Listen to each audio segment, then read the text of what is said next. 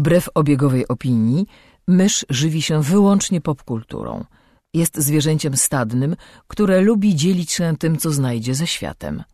Jej naturalnym sposobem komunikacji jest przerywany śmiechem słowotok. Słuchacie podcastu Myszmasz. Cześć,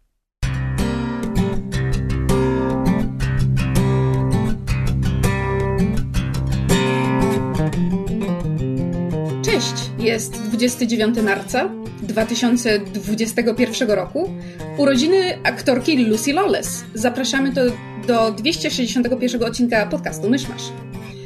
Cześć! Dawno nas nie słyszeliście. Um, z tej strony Mysz, a ze mną przy mikrofonie jest... To były werble. E, Ania Janiszewska, znana jako Ramaru, którą możecie kojarzyć z sesji na podsłuchu. Tak, i witamy Was bardzo serdecznie w mm, odcinku Myszmasza po bardzo długiej przerwie, e, który zgodnie z naszymi różnymi zapowiedziami w social media, jeżeli nas śledzicie, to, to mo możecie kojarzyć, odcinku klubu filmowego Myszmasza. Wracamy do tej formuły, ponieważ z różnych względów e, życiowo-pracowych mamy trudności z byciem na bieżąco z popkulturą i, i, i nie bardzo możemy omawiać nowe filmy tak, tak ekstensywnie, jakbyśmy chcieli ale stwierdziliśmy, że wrócimy do formuły klubu filmowego Myszmasza, gdzie wybieramy sobie jeden albo dwa tytuły, które wspólnie wszyscy razem omawiamy i też będziemy je Wam zapowiadać z odpowiednio e, dużym wyprzedzeniem, żebyście też mogli je obejrzeć i e, wiedzieli lepiej, o czym mówili i, i mogli się, że tak powiem, jakoś bardziej krytycznie odnieść do naszych komentarzy. Gorąco zachęcamy po wysłuchaniu tego odcinka, żebyście um, swoje przemyślenia do nas E, wysłali, ale dzisiaj tylko we dwie będziemy z Anią sobie rozmawiać, bo to też było ustalenie takie nasze pod tytułem, że ci, którzy mają czas i chcą dane filmy omawiać, to będą się w odcinkach e, pojawiać, więc prawdopodobnie będziemy mieli um, mieszany i wymienny skład, zależnie od tego, kto, kto akurat będzie miał czas i ochotę się w odcinku pojawić. Mhm. A jeszcze Krzysiek wspomniał, że będzie chciał ten swój kącik książkowy e, dodawać do, do tego. Tak, tak. Niby przechodzimy na klub filmowy Myszmasza i będziemy się skupiać na konkretnych tytułach, ale Krzysiek powiedział, że po jego trupie zabierzemy mu kącik książkowy Krzyśka. W związku z tym w tych odcinkach, w których Krzysiek się będzie pojawiał, Um, a może nawet w tych, w których nie będzie się pojawiał, tylko będziemy doklejać jego wynurzenia o książkach, ale, ale też możecie na to liczyć. Nie pozbawimy was tego. Natomiast to jest formuła, na którą się w tym momencie zdecydowaliśmy, żeby e, móc wam dostarczać myszmasza w jakiejś formie, a jednocześnie nie czuć ogromnej presji, żeby to, to robić co, co dwa tygodnie i żeby być ze wszystkim na bieżąco, bo po prostu nie mamy na to łyżek. Tak, ale dzisiaj sobie z Anią porozmawiamy o dwóch filmach, które jakoś tak e, ty mam wrażenie spontanicznie podrzuciłaś i ja zakrzyknęłam, o tak, obejrzyjmy te filmy. E, mianowicie Van Helsing, film z Hugh Jackmanem z Ojejku, on jest... 2004 chyba? Tak, z 2004 roku. Um, oraz film w, podobnej, e, w podobnym klimacie, w podobnym nastroju, to znaczy Hansel and Gretel Witch Hunters, który po polsku miał chyba tytuł Hansel i Gretel Łowcy, Łowcy Czarownic. czarownic. Mhm. Tak, z 2013 roku. I, I sobie po filmach, o, o filmach porozmawiamy, e, porównamy je ze sobą, zobaczymy, czy, czy powrót do tych filmów, bo jeśli dobrze kojarzę, obie żeśmy te filmy już kiedyś widziały i teraz żeśmy do nich wróciły po, po dłuższej przerwie. E, obie widziałyśmy Hansel i Gretel w kinie nawet. Tak, nie znaczy ja nie znałyśmy się wtedy. Ach, szkoda wielka. Um, ale ja Van Helsinga też zresztą widziałam w kinie. Um, ja byłam za młoda na to wtedy. no weź. Krótkie przypomnienie, jestem zupełnym dzieckiem. Przestań. Ja też. Znaczy chciałabym. E, nie, że przed chwilą miałam 33 urodziny. Wszystkiego tak, ale... lepszego ponownie. Dziękuję bardzo. E, ale porozmawiamy sobie o, o, o tych filmach, porównamy jak, e, jak, jakie są nasze wrażenia po, po dłuższej przerwie, jak te filmy się też zestarzały, bo nie oszukujmy się, od obu minęło już trochę czasu. I od którego filmu, Aniu, chciałabyś zacząć? Wiesz co, ja bym chciała zacząć od generalnego pytania do ciebie. E, mhm. Czy jakby z tych wszystkich supernaturalnych istot, o jakich robi się filmy, często takie jakby fantazy albo po prostu urban fantazy, po prostu zmieszanie tych dwóch gatunków, to co, jakby jaką istotę najbardziej lubisz? Czy wilkołaki, czy wampiry, czy wiedźmy, demony, zombie, Frankensteiny? Co, co, co z tej grupki jest twoim ulubionym? Um, no, moim ulubionym, nie ukrywajmy się, są wampiry, mhm. co nie zmienia faktu, że przepraszam, łapie mnie chrypa. E, co nie zmienia faktu, że miałam też takie, że tak powiem, okresy w swoim życiu, kiedy na przykład oglądałam z ogromną fascynacją wszystkie dostępne filmy o, i seriale o zombie, mhm. ale nie takim, wiesz, zombie typu The Walking Dead, gdzie masz e, po prostu bezmyślnego, że tak powiem, pragnącego e, ludziny trupa, tylko mhm filmy, w których jakby to, to zombie jest metaforą czegoś, albo te, te zombie są jakieś bardziej świadome. Zresztą mam mm, na, tym, na ten temat notkę na, na blogu, gdzie, gdzie, gdzie większość tych filmów właśnie jakby analizowałam i porównywałam. Ale wampiry mimo wszystko właśnie za, ze względu na ten aspekt nieśmiertelności, e, ten, ten, ten aspekt jakby tragizmu, jakiego jest związany, związanego z tym wszystkim. Tak, tak, tego takiego, wiesz, mniej lub bardziej melancholijnego welczmercu, który Anne Rice w to wszystko wprowadziła, bo, mm -hmm. bo jednak e, Bram Stoker się w takie rzeczy mniej bawił. To, to, to był jednak nieco inny klimat, ale też e, związki jakby wampiryzmu z seksualnością, z cielesnością um, i fakt, że ze względu na właśnie tę nieśmiertelność wampirów można, można ją mieścić jakby w dowolnej epoce historycznej, jakby tworzyć o, tak. sobie takie trochę alternatywne historie albo pod pozorem historii o wampirach opowiadać opowieści, znaczy pisać opowieści historyczne, to jest coś, co mi się zawsze bardzo, bardzo podobało. Więc dla mnie to są wampiry, ale w ogóle istoty ponadnaturalne to jest coś, co, co lubię w mojej e, popkulturze i literaturze, więc ta taka cała właśnie ponadnaturalna czy fantastyczna otoczka jest, jest bardzo w moją mańkę. Y, mam dokładnie to samo y, i mam jakiś taki stały niedosyt właśnie takich postaci supernaturalnych w, po prostu w filmach współczesnych, ale właśnie też jak wspomniałaś, w różnych epokach historycznych, bo to jest tak ogromny ogromne pole do eksploatacji i do po prostu eksplorowania różnych możliwości i po prostu nawet takich tropów, które się pojawiają wielokrotnie w filmach, ale po prostu wciśnięciu tego do innej epoki, że jakby brakuje mi tego nadal. Ja wiem, że, że takich filmów jest mnóstwo i też powstaje sporo seriali o różnej jakości, trochę, trochę lepsze, trochę gorsze, trochę bardziej um, wypłaszczające koncept jakby albo wampirów, albo wikołaków, albo czegokolwiek. E, ale nadal mam takie, że czuję, że to jest niewyeksplorowany jeszcze do końca wątek i że można byłoby to wciąg jakby ciągnąć w nieskończoność w, jakiej, w jakimś stopniu, tak po wampirzemu. Um, no i powiem ci, że Van Helsing to był jeden z takich w zasadzie jeden z pierwszych filmów, jaki ja widziałam z, z w ogóle o tematyce wampirzej, oprócz jakiegoś zmierzchu, ale to raczej nie był początek mojej miłości do wampirów. Um, ale um, poczekaj, co tam? A, a, wywiad z wampirem chyba widziałam jeszcze wcześniej, ale powiedziałabym, że to jest taka wyższa, może nie tyle, że wyższa półka, jakiś taki głębszy, inny poziom zaawansowania, tak jakby. Wydaje mm -hmm. mi mhm. się, że do e, wywiadu trzeba, um, trzeba już troszeczkę trzeba mieć cierpliwości do tego filmu, bo on, no on tak, też jest oporny jest, to jest Inny, inny jakby w ogóle gatunek, to jest, wiesz, to jest ten, ten, ten gotycki dramat, czy, czy melodramat, czy gotycki romans nawet pod pewnymi względami, mm -hmm. no bo mhm. nie oszukujmy się, Lestat i Louis są parą i no, to totalnie. jakby um, nieważne jak Hollywood bardzo próbowało to um, wygładzić i ubezpłciowić, ale oni są parą i wychowują bardzo. wspólnie dziecko. Um, natomiast Van Helsing, nie oszukujmy się, Um, oprócz tego, że nie tylko ma wampiry, ale ma też wilkołaki i ma um, Frankensteina, Frankensteina tak. Um, I nawet Jekyll i ma, więc ma jakby już samą um, samą ilością po, pojawiających się nadnaturalnych postaci z w dużej mierze klasyki literatury, właśnie takiej e, gotyckiej, ale też pulpowej, jest pulpowy w swoim, jakby w swojej istocie. Van Helsing, mhm. oprócz tego, że jest filmem akcji z elementami horroru, jest przede wszystkim filmem opartym na właśnie, na trochę tak jak serial Penny Dreadful, który też był oparty na podobnym pomyśle, czy na przykład Liga Niezwykłych Dżentelmenów, gdzie mhm. mamy te, mhm. te e, łączenie tych różnych takich postaci z, e, z literatury właśnie tego, tego okresu. No ale tam, gdzie Penny Dreadful też jest właśnie bliżej wywiadu z wampirem, wiesz, egzystencjalny, melancholijny, gotyckie i literackie, to Van Helsing jest, jest po prostu pulpą, jest kolorowy, znaczy mhm. jest kolorowy... Jest absolutnie niekolorowy. Niekolorowy, ale jakby jest... Wiesz, co mam na myśli? Różnorodny? Mhm, tak, tak, tak. Tak, jakby jest na przykład um, komiksowy w pewnym sensie. Mi się bardzo Van Helsing kojarzy z na przykład um, Hellboyem. Guillermo del Toro, jest coś w tym jeśli chodzi o filmy. Mhm. Um, i, i to jest właśnie bardziej ten, ten klimat, więc mimo, że te takie um, wampirze, powiedzmy, rozterki pod tytułem Och, nieśmiertelność się mhm. pojawiają, to w Van Helsingu jakby na przykład um, Dracula e, on się śmieje z tego, że nie ma serca. Dla niego to nie jest wielki problem moralny czy egzystencjalny, że on jest wampirem. Mhm.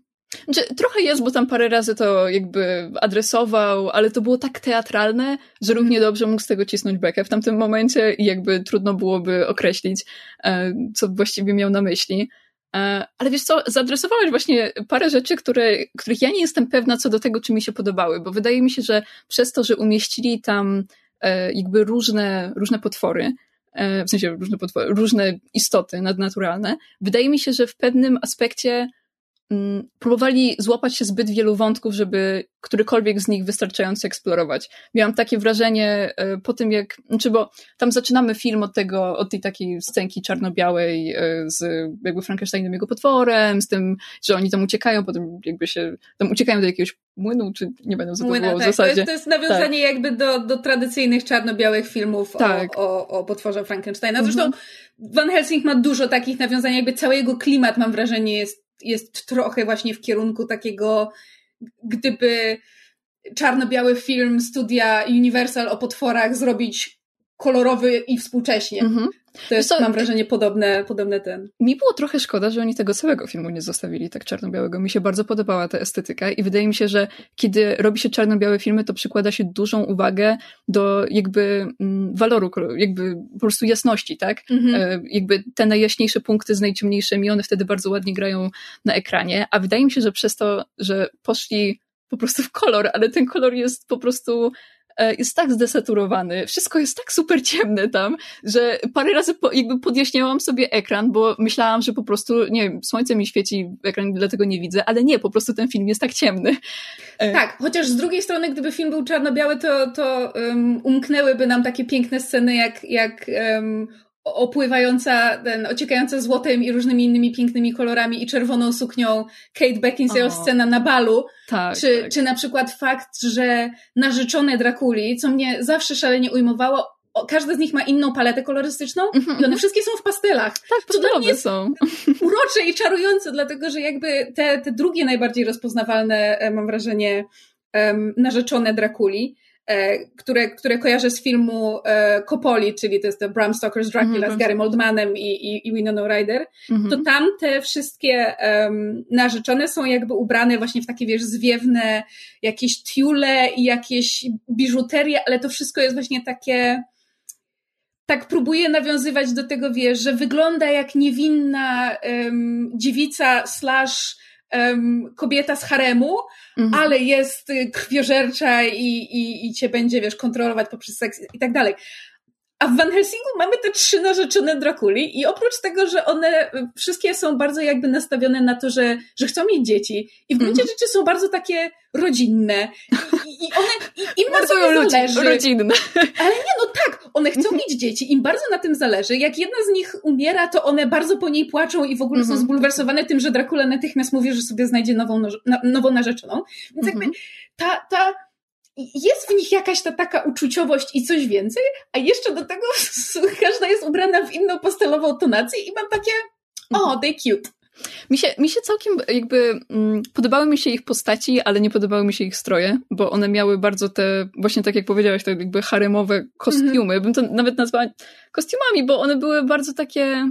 No, roznegliżowane mm, były. Tak, ale zajechało mi takim orientalizmem tutaj, bo, bo czekaj, bo to się chyba działo w Rumunii, tak? Um, no, to Transylwania, Rumunia, tak, tamte, mhm. tamte, tamte rejony. A Dracula oczywiście jest ubrany zresztą pięknie w, od stóp do głów w jakiś piękny, nie wiem co to jest, surdut, żakiet, Właśnie, zapięty pod szyję. Tak, jakby... Y a one latają z pępkiem na wierzchu, jak im nie zimno. Gdzie to dziecko Dobra, to są wampiry, im tam, obojętnie. Dracula w pierwszej scenie wychodzi z kominka cały spalony, nic mu się nie dzieje, tylko poprawia tą marynarkę.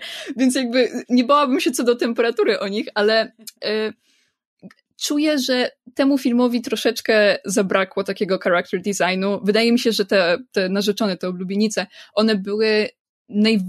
Znaczy, może oprócz tej Anny, ale one były jakby najbardziej najbardziej wyrazisty sposób zaprojektowane, ale ten orientalizm tam mi trochę -hmm. przeszkodził, bo to, to taka taniocha, tego jakby kupili taki po prostu kostium na Halloween. Więc trochę mi to nie odpowiadało, chociaż przemiany między ich tą wampirzą formą ze skrzydłami w ogóle, a między tymi właśnie e, latającymi jakby szatami i w ogóle były bardzo ładne. I jakby mm -hmm jak na film z 2004 roku, efekty specjalne są tutaj bardzo dobre, oprócz paru scen, gdzie są tak okropne, że nie wierzę, że ktoś to puścił do filmu. Jak jest scena, jak tam Anna stoi e, nad klifem, jak, jak jej e, brat spadł razem z wilkołakiem do, do wody. Tam jest tak okropne CGI, że to po prostu wyglądało jakby ktoś skleił dwa zdjęcia koło siebie, więc, więc to mi się nie podobało, ale generalnie CGI jest śliczne. Tylko mówię, character design trochę mi nie podszedł. Szczególnie, że na początku filmu jeszcze zaznaczają, w jakich to jest latach.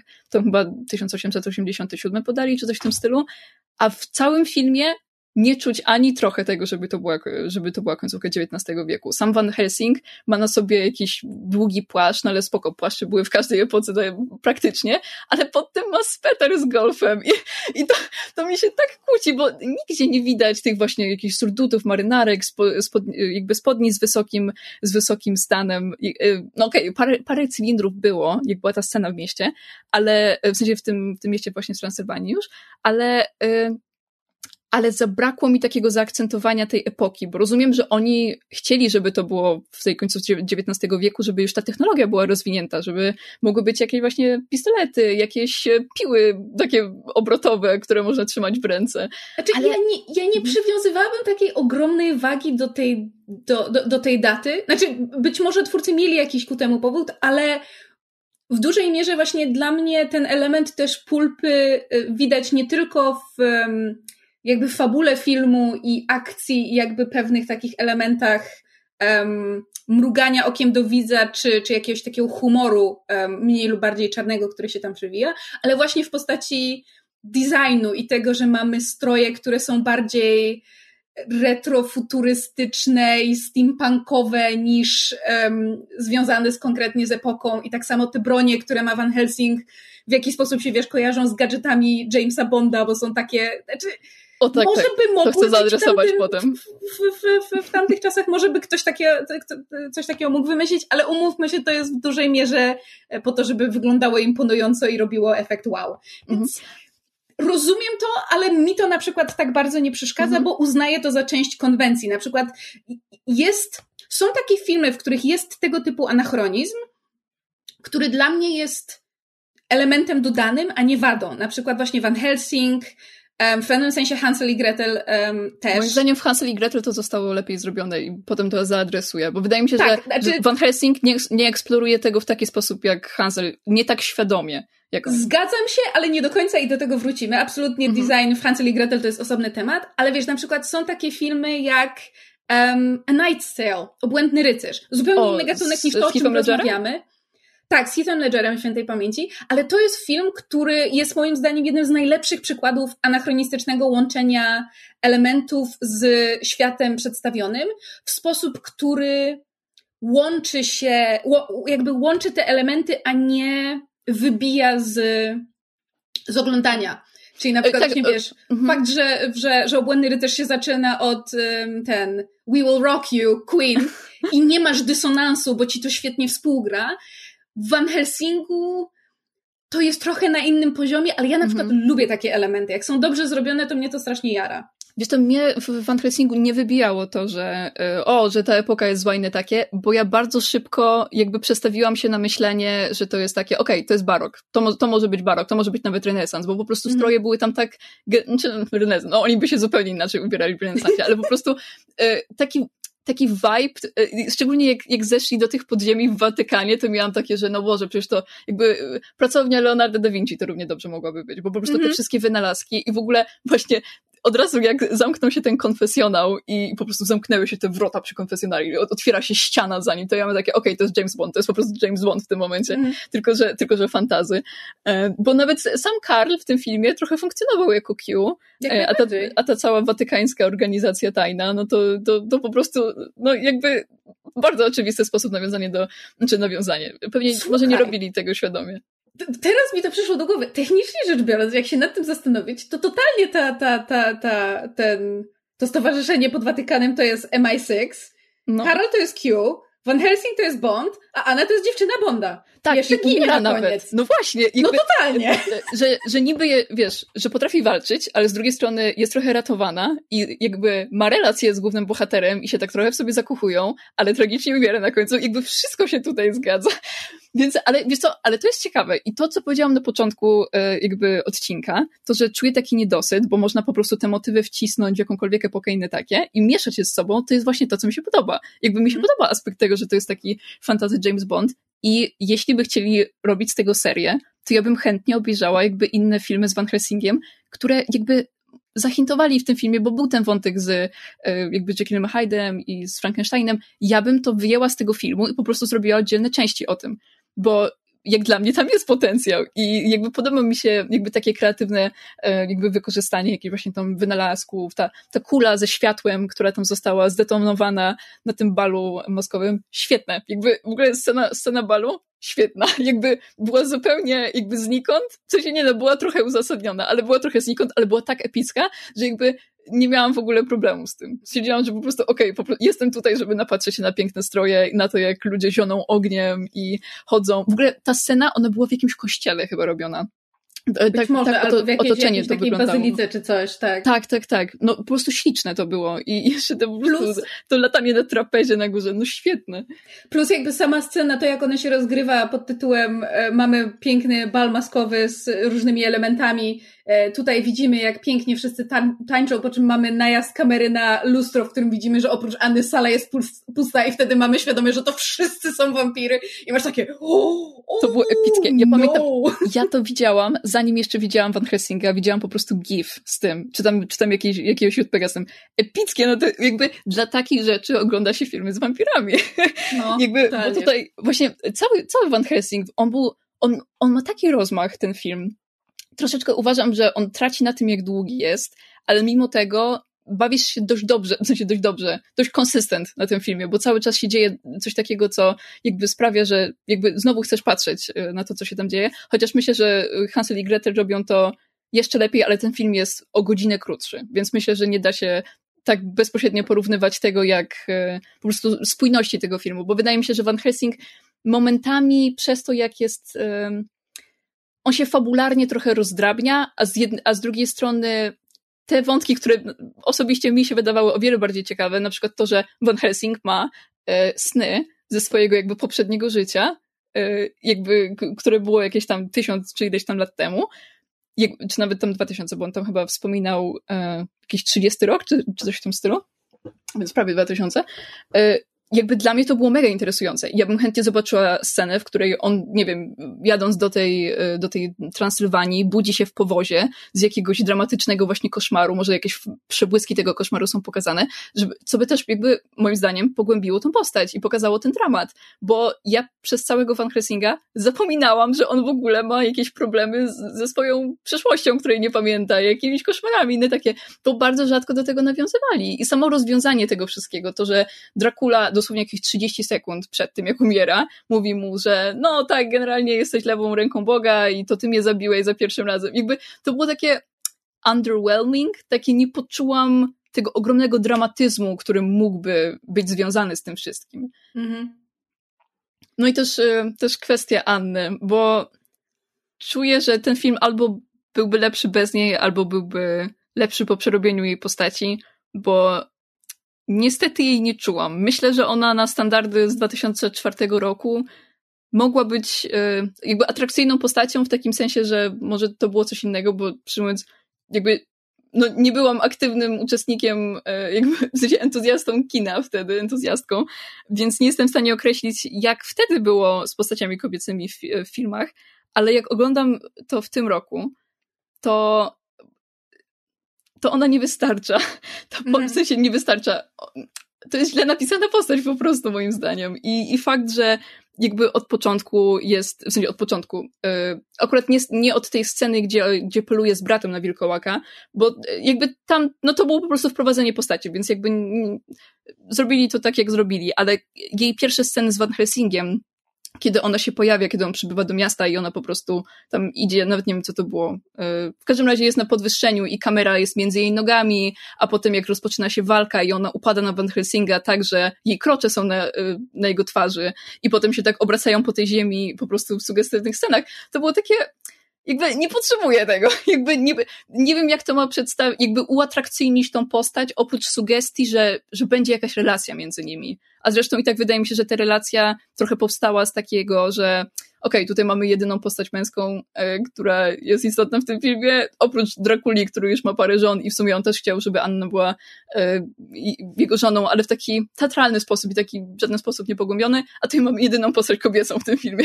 która jest istotna, więc jakby to, że oni się spiknęli na końcu, akurat jakby podoba mi się ten pocałunek. I on był, i, w sensie ten tuż przed walką i w ogóle, on był całkiem emocjonalny. I, i to, że Van Helsinki powiedział, że proszę nie spóźnij się z tym, żeby po prostu wbić mu tą um, strzykawkę z tą um, z tym antidotum na wilkołactwo.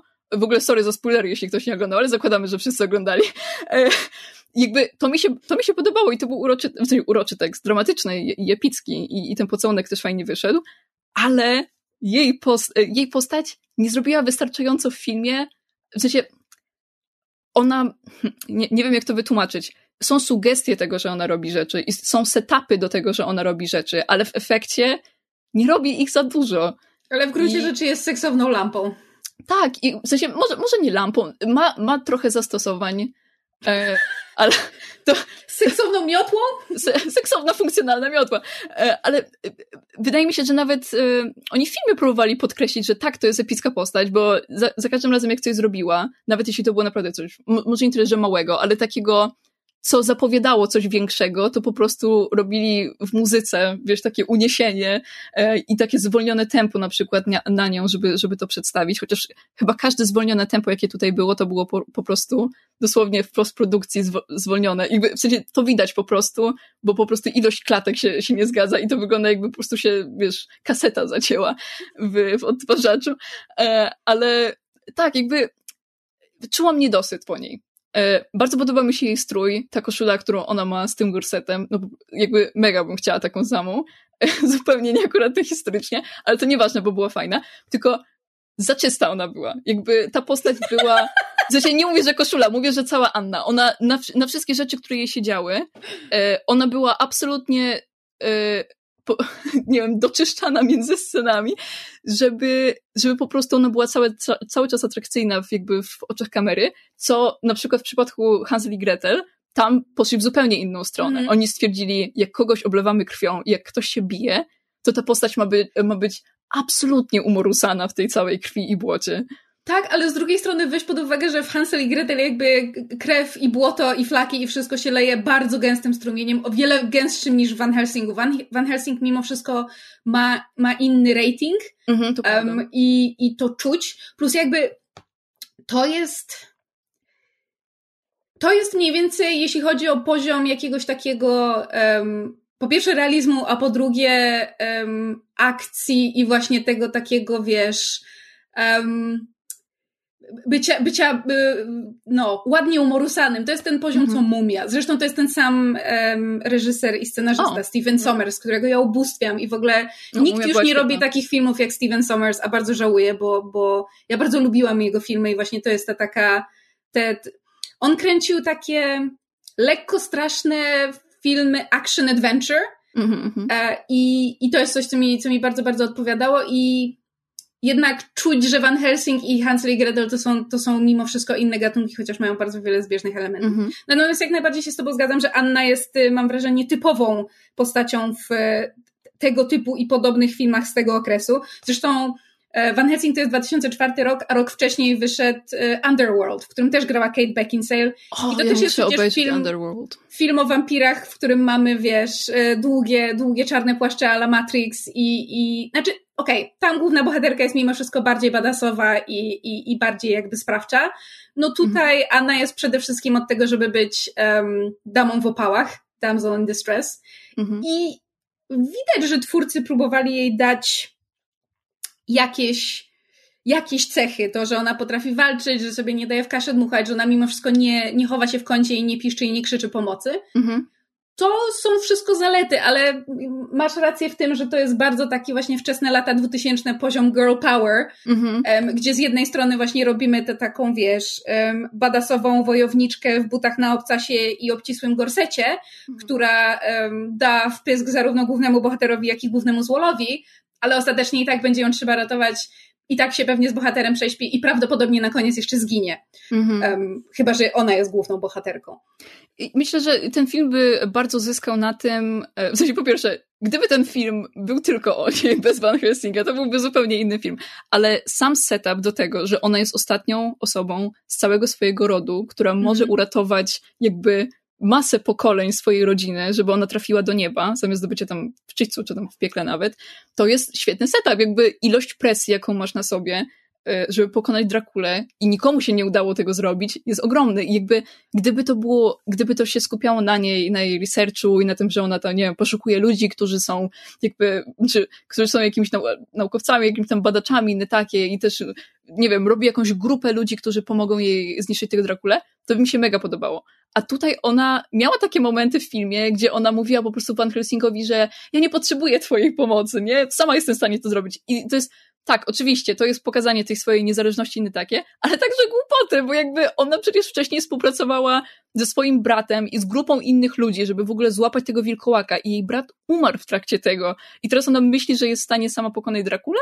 Jakby szczególnie pokazując, że nawet jakby są problemy, w sensie widać, że y, Dracula i jego tam te narzeczone, one y, jakby coś się zmienia, tak, bo, bo jakby był atak na miasto, który był w ciągu dnia, który, co się zazwyczaj y, jakby nie dzieje, więc jest ta sugestia tej takiej nagłości, że potrzebujemy działać i w ogóle.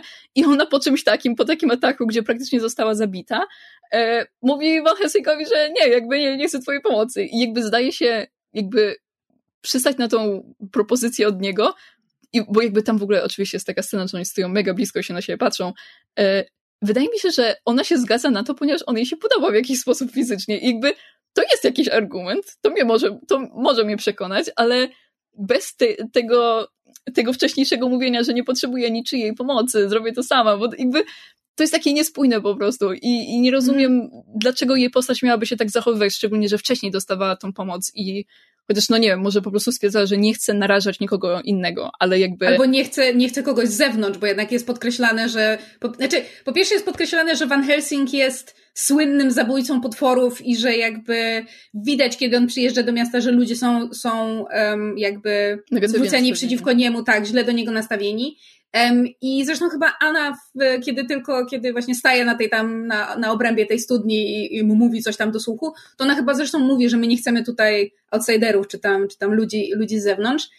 Mhm. Więc i niby są ku temu jakieś powody, ale ja się z tobą absolutnie zgadzam, że o wiele jakby, że w jakiś sposób podkreśleniem, nie wiem, inteligencjiAny, czy, czy tego, że ona jest w stanie e, wykorzystać wszystkie możliwe środki, żeby osiągnąć swój cel, mhm. na który, e, jak sama mówisz, ma teraz bardzo dużą presję, o wiele mądrzejsze by było stwierdzenie, dobra, to jest ten słynny zabójca potworów, czemu by go nie wykorzystać? I to dosłownie mhm. wykorzystać na zasadzie jakby ryzykując jego życie, dając jakby Drakuli kolejną osobę do walki, dając, tak, dając Drakuli kolejną osobę do walki. Gramatyka polska jest bardzo trudna. To jakby ona zmniejsza szanse, że jej się coś stanie, a w momencie, kiedy mhm. ona jest ostatnią osobą ze swojego rodu, powinno jej nie tylko zależeć na zabiciu Drakuli, ale także na tym, żeby przetrwać. I w ogóle jakby... Wiesz, czy, ona, czy ona czy... wielokrotnie się rzuca jakby w stronę niebezpieczeństwa, e, właśnie na kanwie tego, żeby sprawić, że jej rodzina trafi do nieba, więc jakby ja rozumiem, że ona nie chce w pełni swojego bezpieczeństwa, ona się nastawia, że może umrzeć w trakcie, bo ona chyba nawet powtarza, że jakby zrobię wszystko dla mojej rodziny i inne takie i spoko, ale nie uda ci się zabić Drakuli w pojedynkę i o to chodzi. Spoko, ty możesz umrzeć w trakcie i jak najbardziej spoko, ale dlaczego nie chciałabyś pomocy do zrealizowania czegoś, czego się nie udało nikomu z twojego rodu przez te wszystkie setki lat? Sorry, przerwałam ci. Nie, nie, ale plus, czy, czy, czy ty się zastanowiłaś przez moment e, jakby nad tym, jak niesamowitym w pewnym sensie jakby powodem pomagania Anie jakby w takim ogólnym pojęciu jest fakt, że to nie jest to, że nie wiem, że tylko, że, że Dracula jest, jest, wiesz, jest, jest wampirem jest i, i mordercą i jest zły i należy się go pozbyć. Nie, jakby w, ty, w, ty, w, tym, w tym Watykanie, jak ten, ten, ten ksiądz y, rozmawia z, z Van Helsingiem, to on mówi, że jakby, że, że właśnie cały ich ród walczy z Drakulą i że przysięgli, że póki tego nie zrobią, to, to, to, to jakby nie trafią do nieba. Jakby, jak się nad tym zastanowisz, okej, okay, to jest świat, w którym istnieją wampiry i wilkołaki i potwór Frankensteina i, i wszystko inne, ale to jest też świat, w którym jakby sprawczym, sprawczym powodem robienia rzeczy jest to, że ileś martwych ludzi nie trafi do nieba. Ale mi się na przykład podoba ta religijność u nich. I znaczy, nawet tak, trochę ale szkoda, że nawet tego nie podbili. że to jest tak... No. Znaczy, że to jest, dlatego, że to jest tak ja, duże, tak? W kontekście... Tak, że wiesz, ja nie jestem osobą um, po pierwsze wierzącą, a po drugie religijną i, i dla mnie to jest po prostu interesujące jest dla mnie to, że ta religijność jest tak dużym elementem nie, nie, nie tylko w sensie w kontekście jakby tego, jaka broń jest używana przeciwko Drakuli, no bo wiadomo, że ten element Krucyfik. tego, że mhm. wampiry się boją krzyża i wody święconej i tak, i tak dalej, to, mhm. to, to, mamy w, w tradycji wampirów od, od dawna. Ale że to nie sprowadza się tylko do tego. To nie mhm. jest tylko to, że że trzeba właśnie wykorzystywać te takie elementy e, chrześcijaństwa czy katolicyzmu przeciwko wampirom, ale za, za tym stoi autentycznie mhm. coś więcej, że, że Van Helsing autentycznie jest z tym emocjonalnie i, i, i w ogóle też um, życiowo związany. I że to faktycznie się spełnia. Jakby w tym filmie e, mhm. jakby chrześcijaństwo jest kanonem. To jakby to jest religia, która tak. jest naprawdę. Co nie zmienia faktu, że scena, w której na sam koniec e, Van Helsing o, tak. pali ciało Anny i widzimy jej twarz w chmurach i jej rodziny, to y, zresztą ja, ja mam o tym tekst na blogu gdzieś w czeluściach, ale to był film, na który ja poszłam z moimi przyjaciółmi do kina. I myśmy w ogóle w pierwszej chwili, bo myśmy się spóźnili parę minut, trafiliśmy już po reklamach, jak już leciał film. I w pierwszej chwili, jak weszliśmy na salę, to mieliśmy wrażenie, że trafiliśmy na niewłaściwą salę, bo film był czarno-biały. A myśmy, a myśmy szli na, wiesz, na, na film akcji z wampirami z Van Helsing, -hmm. znaczy z tym, z Hugh Jackmanem. Ale żeśmy usiedli zaczęliśmy oglądać i od razu mam wrażenie, strzeliliśmy się w klimat filmu, bo zaczęliśmy się z niego pod nosem podśmiewać, mhm. ale nie jakby. Nie mam wrażenia, że myśmy to robili na złość twórcom, tylko jakby były takie sceny, no na przykład kiedy, kiedy po, po tym jak e, narzeczone napadają na, na miasto i jedna z nich ginie i, i one wracają do zamku i Dracula I tam. Mhm. wychodzi z tej swojej trumny z okrzykiem Maryśka! No myśmy przecież zaczęli się tak brechtać z tego, że jedna z, nich jedna z tych wampirów się nazywa Maryśka. I na tej samej zasadzie. Proszamy wszystkie Dracula... Maryśki, które słuchają. Tak, nie, nie, to jest piękne imię, ale po prostu kiedy Dracula na cały tak. głos rozpacza Maryśka mhm. w bardzo poważnym kontekście i w bardzo poruszającej y, umownie scenie, no to wiesz, trudno się nie śmiać. Mhm. Ale na tej samej zasadzie, kiedy na koniec właśnie widzimy twarz Anny w chmurach, która patrzy się z czułością na, na Van Helsinga, to ja na cały, na, na, na cały że tak powiem, um, głos szepnęłam e, na całą salę kinową Simba! pamiętaj! I po prostu cała sala w ryk. Więc ten film, ten film ma w sobie coś takiego, że jakby on niby ma te elementy poważne, gdzie właśnie wiesz, ten, ten, ten konflikt Anny związany z tym, że wszyscy z jej rodziny zginęli i ona ma teraz tę ważną misję. I te momenty zresztą, kiedy na przykład, kiedy ona odkrywa, że jej brat żyje i ona chce go mhm. uwolnić, on się wtedy na jej oczach zmienia w wilkołaka o, i jakby ci nie kontroluje. I właśnie to, że Van Helsing nie ma wspomnień, ale wie, że jest z tym jakoś wszystko, jest z tym jakoś związany i Dracula go potem, wiesz, droczy się z nim na zasadzie, ja ci mogę zwrócić wspomnienia. Widać, że tam są mhm. jakieś takie emocjonalne konflikty i, I są te takie podbić. sceny, tak, i one i są te takie sceny, które są niby na poważnie, a, a potem patrzysz na całą tę taką pulpową otoczkę i nawet jakbyś chciała, to trudno jest brać wszystko na poważnie i, i mam wrażenie, że ale bo przy Hansel i Gretel to takie trochę próba lawirowania pomiędzy gatunkami moim zdaniem się nie sprawdza. A moim zdaniem... A przy Van Helsingu mhm. dla mnie jakoś działa.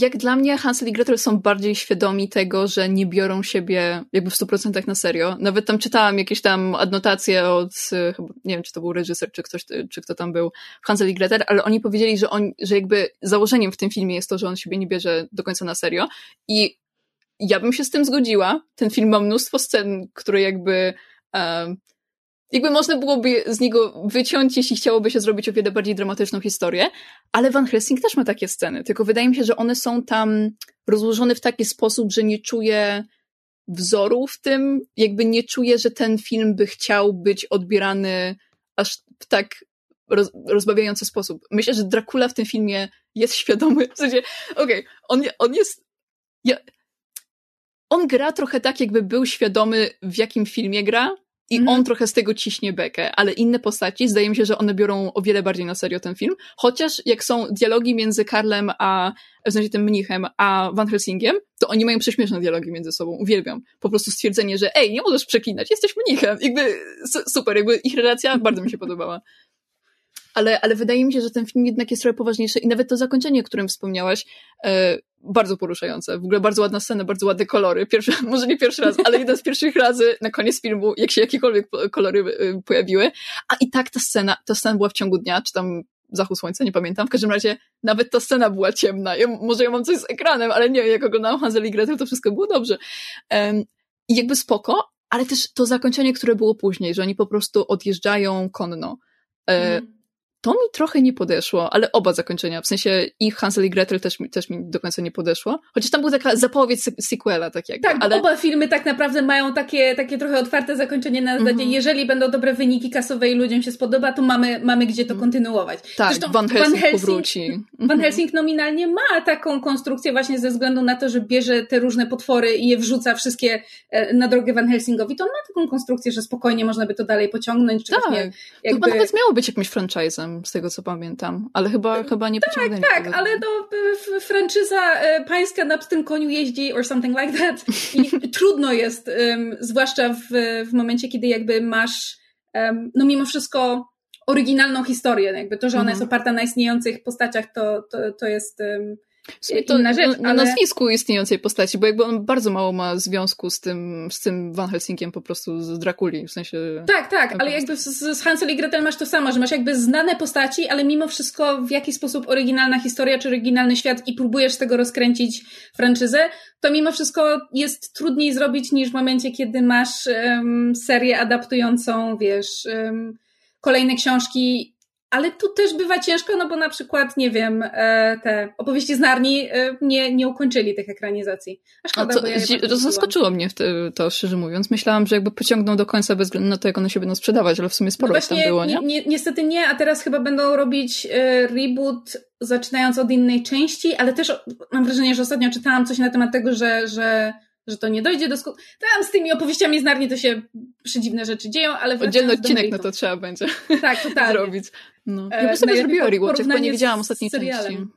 O, no. czekaj, serial, serial też jest? Ojej, przynajmniej jeden BBC, ten taki najbardziej znany. O, wow, to okay. Sprzed twoich czasów, dziecka. A, przed moich czasów, okej, okay, dobra. E, ale słuchaj, wracając jeszcze do zakończenia. Jakby tam jest potencjał na sequel, ale wydaje mi się, że w tym miejscu, gdzie skończyli ten film, wydaje mi się, że to była taka scena, w której ja miałam takie poczucie, że nic ciekawego się już u tego Van Helsinga nie wydarzy, bo jakby on się dowiedział swojej y, przeszłości, dowiedział się, że w ogóle zabił tego Drakulę, potem zabił Drakulę, zabił Annę przez przypadek, ale jednak pobył sobie wilkołakiem przez jakiś czas, a teraz sobie odjeżdża na koniu i w sumie co dalej? Jakby mm. nie, nie, nie czułam takiego potencjału na coś więcej, ale z drugiej strony w Hansel i Gretel tam niby zrobili tą scenę, wiesz co, o tym powiem, jak przejdziemy do Hansel i Gretel, bo czuję, czuję że już i tak e, z Van Helsinga wyciskamy większość rzeczy, ale jeszcze chciałam, yy, uh, tak, co um, ja, ja bym chciała, bo powiedziałaś, że um, Van Helsing ma okazję się trochę powilkołaczyć.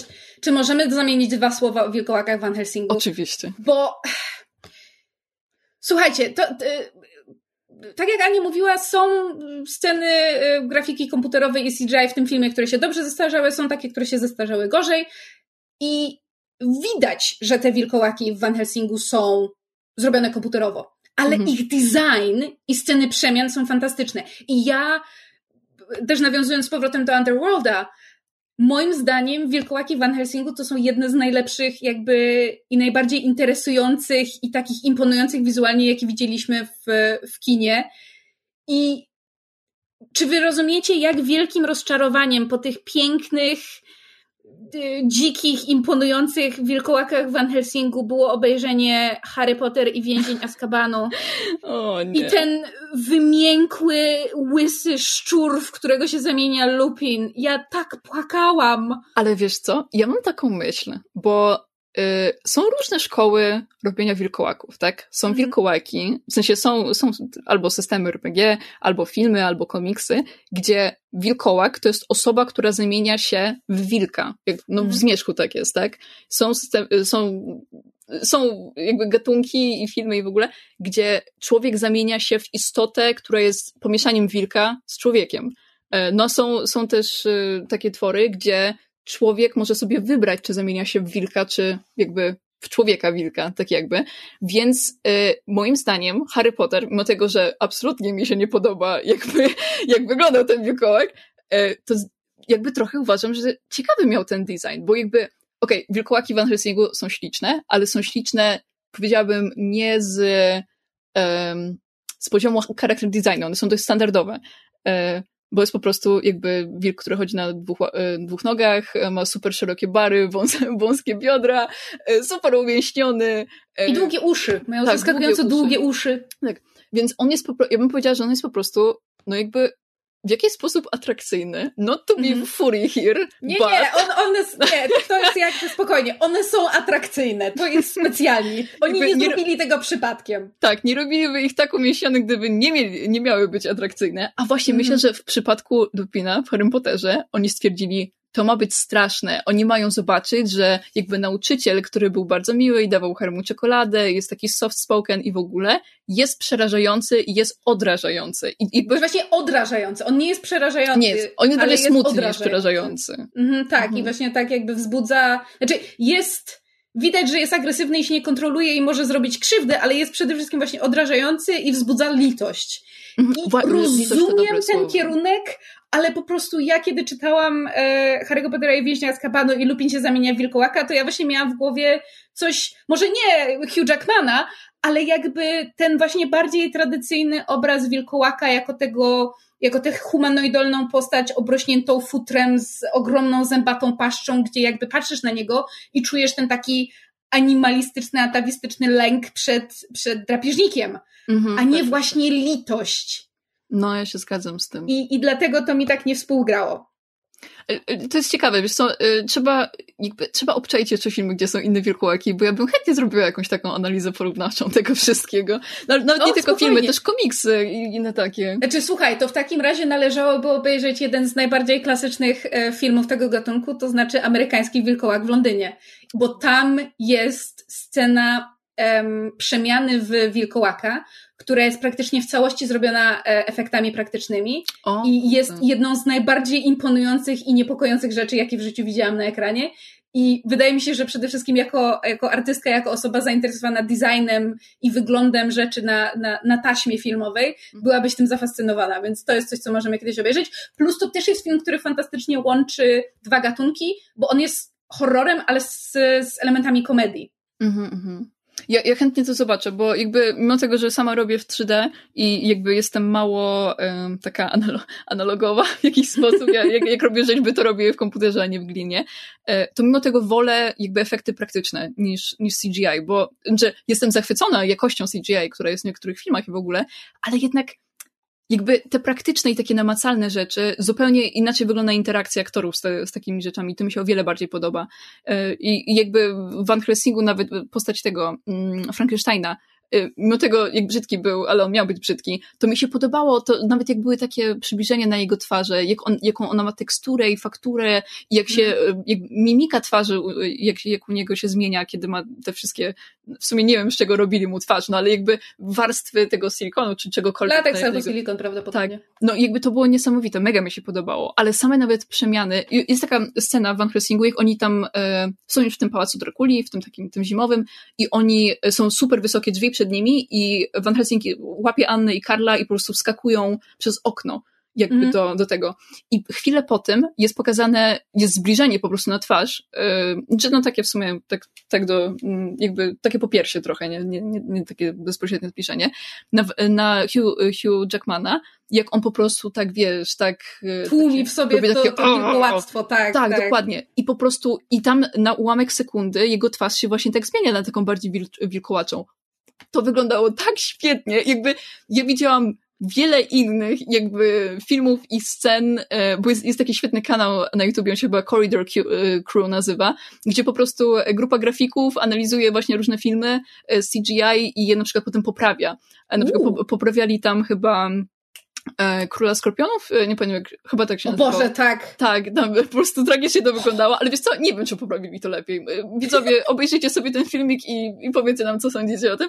E, aczkolwiek, e, jakby widziałam dużo, dużo różnych wersji tego i wydaje mi się, że jak na 2004 rok, to to było tak zaawansowane, że, że no jakby, my, myślę, że obecnie ktoś inny by to zrobił na pewno o wiele szybciej, ale nie wiem, czy lepiej bo, mhm. bo zakładam, że jakby mnóstwo czasu mi to zajęło. Zresztą dużo takich scen w Van Helsingu było, bo y, choćby każda scena tego, jak umierały te, mm, te oblubienice, to po prostu jak się im wbiło ten kołek i one się po prostu jakby wyglądały jakby pęczniały z, z jakimś kwasem, potem jakby wybuchały. Świetne. Jakby nie mogłam się napatrzeć na to. Była, była świetna scena e, po tym ataku w, w tym, w mieście, gdzie, mm. gdzie ta Mariszka właśnie została, Mariszka, e, została przybita e, do dachu kościoła. W ogóle mm. symbolizm i w ogóle świetne. I ona po prostu, to jak jej ciało się tam zmieniało i jak ona się darła, jakby naprawdę czuć było tą agonię, której ona doświadcza. Bardzo mi się to podobało. W sumie czekaj, bo ty powiedziałeś kościół, a ja tak próbuję sobie przypomnieć, bo... Cerkiew bo, chyba. No właśnie, bo to chyba była mhm. cerkiew, biorąc pod uwagę, że, że to jest na, e, że tak powiem, na, mhm. na wschodzie i zresztą kształt tej, tej kopuły, tej wieży był bardziej taki tak, cerkiewny. Tak, tak, no rzeczywiście. co, już, co już też by było, e, że tak powiem, ciekawym, e, ciekawe, że film nie poruszył kwestii tego, czy, czy jeżeli na przykład coś jest pobłogosławione przez, przez że tak powiem, obrządek, w obrządku cerkiewnym, a nie Aha. przez chrześcijański, to czy ma taką samą moc przeciwko wampirom? Tak, to jest mega ciekawe. Chciałabym, żeby to eksplorowali bardziej. Szczególnie, że wcześniej tam E, nie pamiętam co powiedzieć dokładnie, ale obudziła się we mnie myśl, co gdyby ten Van Helsing, żeby podkręcić tą chrześcijańskość, tą religijność w tym tak do maksimum, bo jakby on się nazywa Gabriel i tam nazywają go tam, w sensie Dracula mówi, że on jest lewą ręką Boga, inne takie.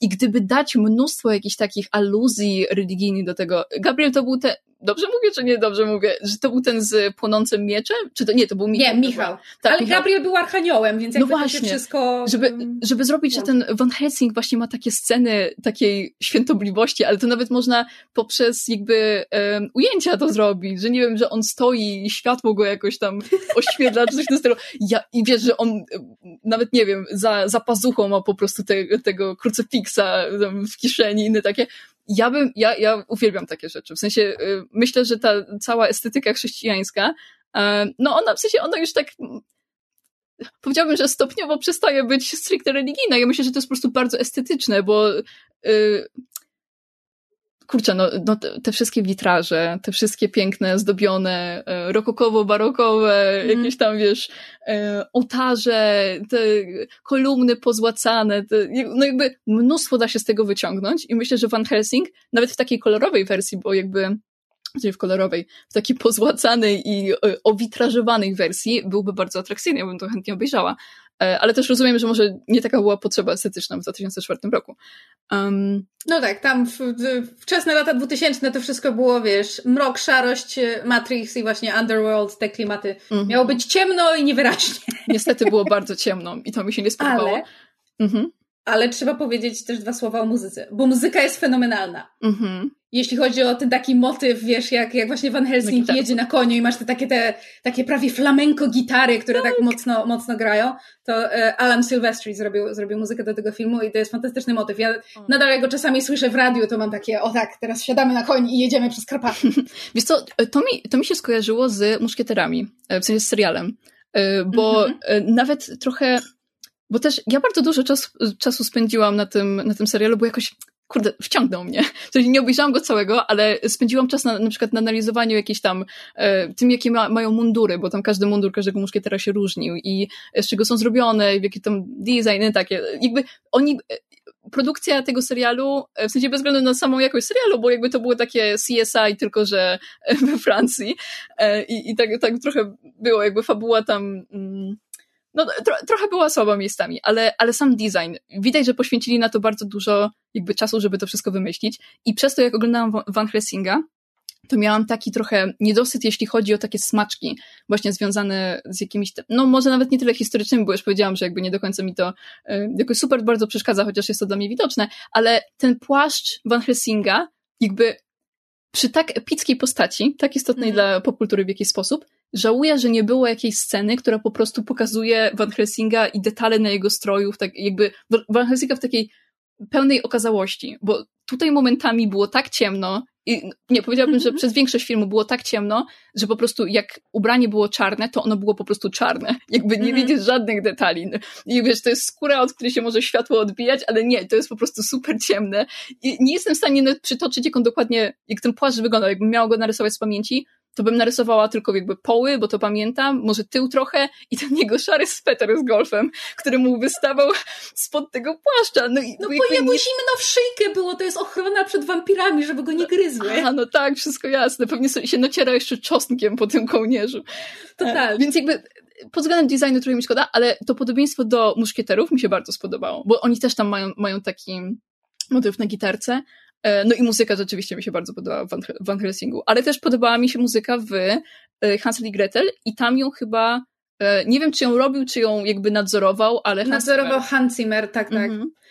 Um, to jeszcze chciałabym, zaraz będziemy przechodzić do Hansel i Gretel, ale tylko jeszcze parę słów o Van Helsingu, bo jakby ja, ja rozumiem o czym mówisz, ale a propos takiego ogólnego podejścia do Van Helsinga, ale z drugiej strony to takie to, co mi się zawsze podobało w Van Helsingu, to jest to, że mimo, że jest to film akcji z elementami horroru, pulpowy i chodzi o zabijanie potworów widowiskowej, strzelanie z maszynowej kuszy i wiesz, żarciki i, i, i jakieś mruganie okiem do widza, czy właśnie granie, granie do tylnych rzędów, tak jak właśnie Richard Roxburgh jako, jako Dracula gra. On, mhm. on wie, w czym on gra, on wie, w jakiej jest konwencji i robi to fenomenalnie. Świetnie, no. Ja go bardzo, bardzo lubię. On zresztą w bardzo podobny sposób gra hrabiego w Moulin Rouge. Też gra po prostu totalnie na cały Jezu, ekran. To był jest, on? To był on. Był w tym świetny. E, zresztą w tym Van Helsingu on ma tak piękny ten taki, wiesz, wschodni jakiś transylwański akcent, no poezja. W każdym razie... Bardzo zaciąga. Tak, w każdym razie um, mimo tego wszystkiego, to co mi się w Van Helsingu zawsze podobało, to jest to, że zarówno Van Helsing jako postać, jak i jako film mimo bycia o zabijaniu y, potworów, wplata też te elementy jakby czym są potwory, kto o tym decyduje, do czego to się sprowadza, czy mimo, czy, czy, czy jakby, czy mimo bycia potworem można być też um, człowiekiem, gdzie są granice potworności, a gdzie jakby człowieczeństwa.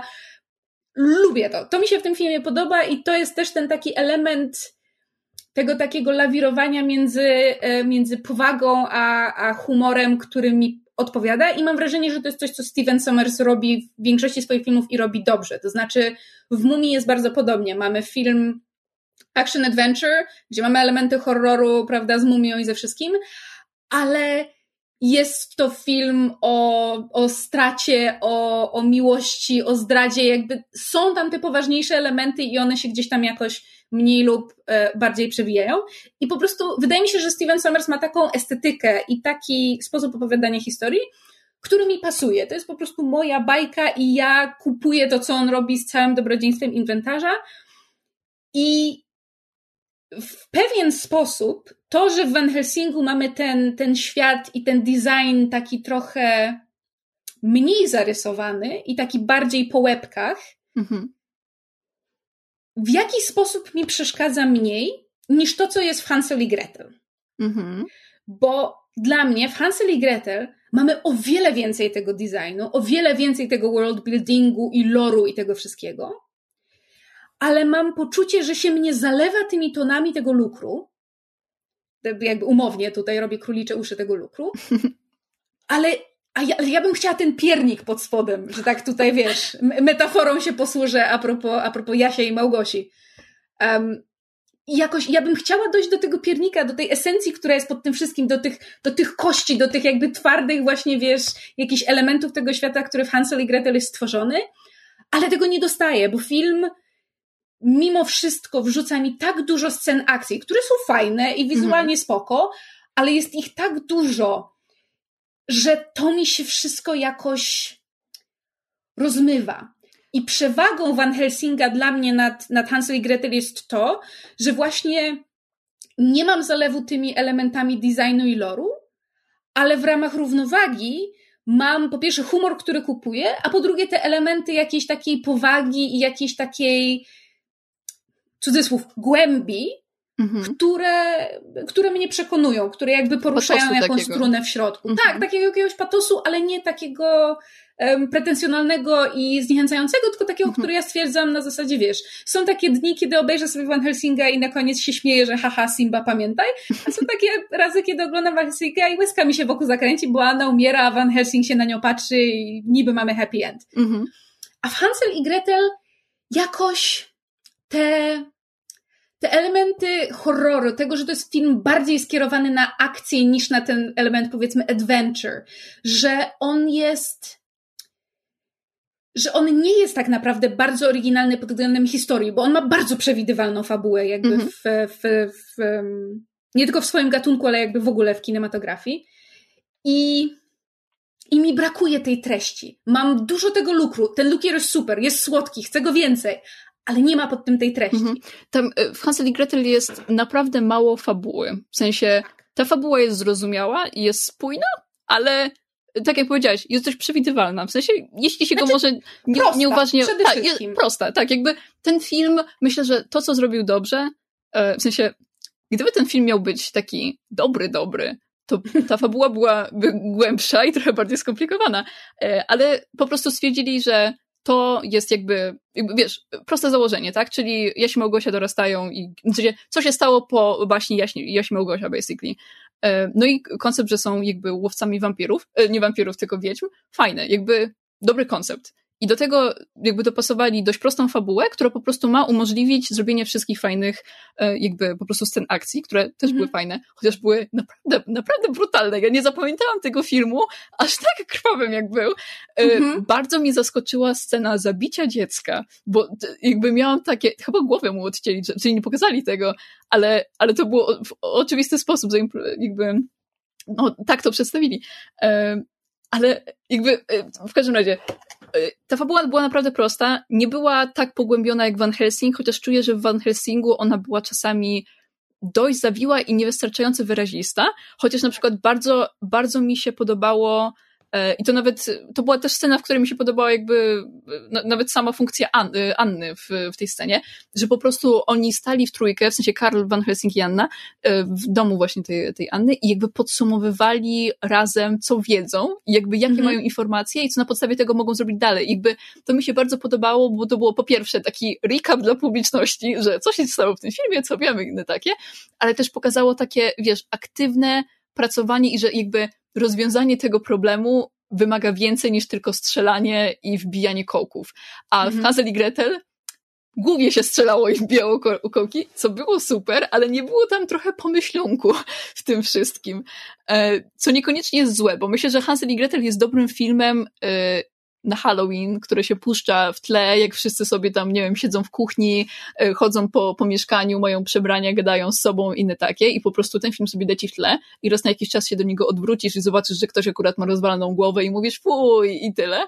E, a Van Helsing, jego trzeba oglądać trochę większą uwagą, bo to nawet nie tyle, że stracisz wątek, ale nie będziesz po prostu wiedzieć od o istotnej, może nie tyle, że istotnej, o części fabule, która by mogła sprawić, że ten film jest lepszy w twoim postrzeganiu. Tak, to znaczy umkną ci szczegóły i czasami są to istotne szczegóły. Tak. Na przykład bardzo mi się podobała scena, to w ogóle ta, ta postać była tak zupełnie znikąd. On był taki trochę comic relief w tym, w tym mieście, ale ten grabarz, który tak. jakby, tak, Van Helsing i Karl przyjeżdżają do miasta, a grabarz po prostu wyciąga jakby miarkę i mierzy ich ramiona do tego, żeby im trumnę zrobić, bo już po prostu zakłada, że oni umrą. Więc jakby to mi się bardzo spodobało. bardzo fajny detal. Albo nawet, nawet ta walka, jak te wampirzyce przylatują, e, i że po prostu jedna z nich się w, w studni ukrywa i potem wylatuje. No jakby to były takie, takie rzeczy, które naprawdę mi jakby sprawiły, że, że tak się dobrze bawiłam na tym filmie, bo jakby wiesz, ta walka trwa i jakby wyszło to słońce i miałam takie, ha, pewnie się, która jest jakby, wiesz, skryła w jakimś cieniu i zaraz wyleci, nie? I jakby i rzeczywiście to się stało. Jakby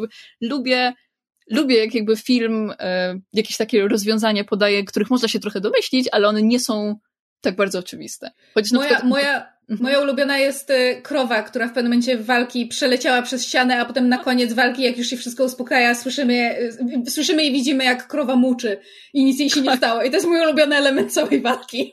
To Taki piękne. mały smaczek. O, poczekaj.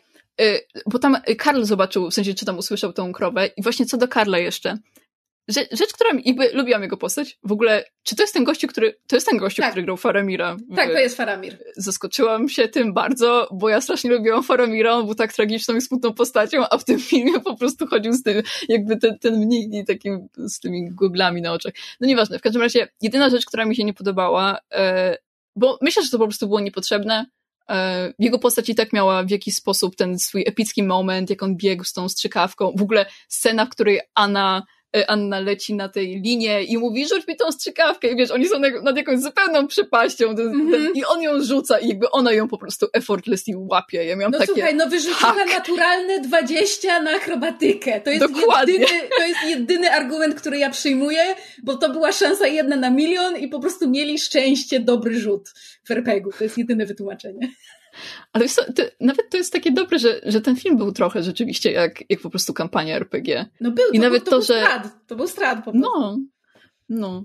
E, w każdym razie, jakby Karl miał tą scenę, gdzie on ratuje kobietę, która jest porywana właśnie przez jakieś tam, e, właśnie to wampirze dziecko chyba. E, I, I jakby on ją ratuje i ona go pyta, jak ci mogę się odwdzięczyć i on jej szepta na, na ucho, że chce się z nią przespać.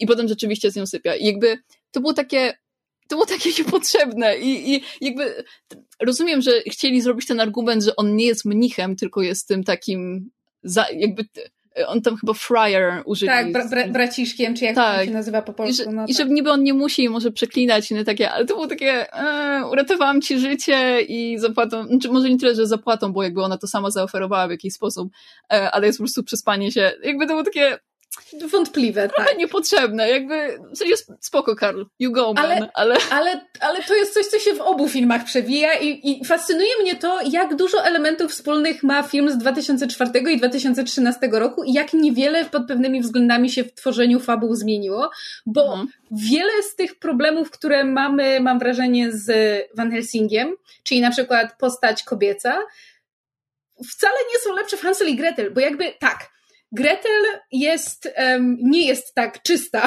jak Anna i ma o wiele więcej badasowych momentów i rzeczywiście pomiatają ją na lewo i prawo i mamy też pokazane jakby, że że ona w przeciwieństwie do jej brata, który dla mnie jest po prostu Jeremy Renner grający Dina Winchestera, tylko że w świecie bajki. Ej, bez jaj. No to jest, to jest Dean Winchester po prostu. Nawet stosunek do kobiet ma podobny.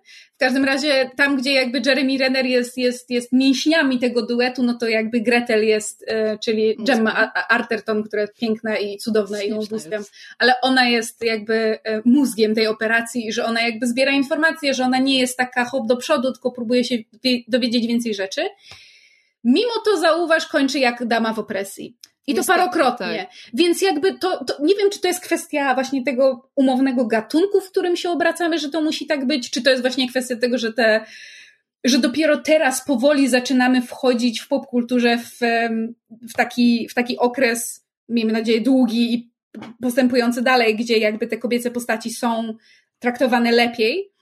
Mhm. Ale, ale, ale jest dużo elementów wspólnych i mimo wszystko ciężko się na to patrzy. Wiesz co, ja bym trochę y, ja bym trochę zróżnicowała jednak to, bo wydaje mi się, że w Hansel i Gretel, Gretel ma większy, większą autonomię, jeśli chodzi o jej jakby działania.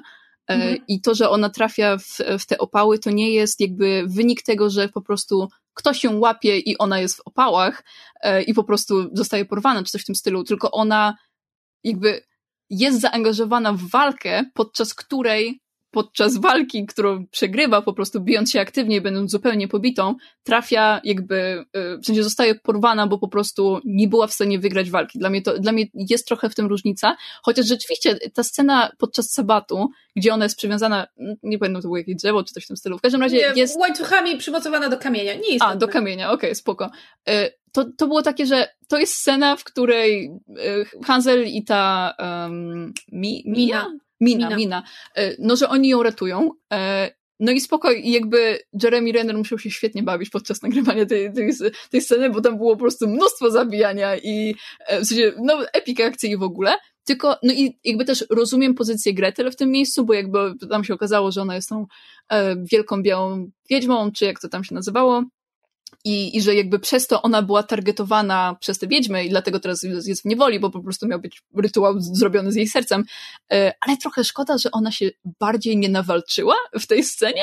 E, tak, tak plus prostu... jakby zauważ, mhm. że, że ona w pewnym momencie, kiedy się biją w mieście, kiedy jest porywana ta dziewczynka, to ona jakby zostaje znokautowana w trakcie walki i ten, ten Ben, ten chłopiec ją, ją tam ratuje, odciąga i potem mamy taką trochę krypną scenę, kiedy on ją mhm. czyści i, i ona jest jakby, znaczy nie jest zdana na jego łaskę, bo zaraz się budzi i mu daje po łapach, ale jest ten mhm. taki trochę krypny element, no a potem z kolei zostaje zaskoczona w lesie, wpada w zasadzkę tych y, pomagierów tego złego szeryfa i zresztą tego samego szeryfa i zależnie od tego, jaką wersję się oglądało, nie tylko y, dostaje mocno po, po mordzie i po innych organach, ale w wersji rozszerzonej filmu y, jest też tutaj ostrzeżenie dla osób, które, że tak powiem, źle reagują na wzmianki o e, przemocy seksualnej. To proszę, prosimy przewinąć parę, parę może za minutę, albo wyłączyć odcinek, za co bardzo przepraszamy. ale jest scena jakby niedoszłego gwałtu, który zostaje w ostatnim momencie przerwany. więc jakby Mhm. A jeszcze w ogóle um, coś, co mnie e, fascynuje i w sumie dobrze, że się nie stało, mianowicie twórcy z jednej strony mówisz, że, że chcieli jakby, że, że bardziej niepoważnie traktowali swój film, wiedzieli, że robili... Poczekaj, a możemy wrócić jeszcze do, do tamtej sceny, bo żeby ktoś no. mógł skipnąć już tą całą minutę. E, no. Ona była dość w dziwnym miejscu. E, na początku uznałam to za jaki, jako ciekawy kontrast, ale potem uznałam, że może trochę źle to wymierzyli, bo ona, mm, ta scena tego właśnie attempted rape e, się zdarzyła jakby ona się na przemian pokazywała z, ze sceną, jak Jeremy Renner i ta, w sensie Jeremy Renner, Hazel i Mina, y, no oni się jakby zbliżają do siebie podczas jakby opatrywania e, Hansela i jakby, no, y, w jeziorze robią rzeczy. Y, I jakby spoko, ale jakby oglądasz jedną scenę, która jest jakby de, znaczy delikatna, emocjonalna w jakiś sposób i na przemian widzisz to z tym, jak po prostu kobieta jest bita i przytrzymywana przez paru mężczyzn. E, no i jakby co masz czuć w tym momencie? Bo jakby ja czułam obrzydzenie, a po chwili miałam takie, aha, okej, okay, czyli oni siedzą w jeziorze i się całują, no spoko. Jakby zupełnie mm. mi się nie skleiło to.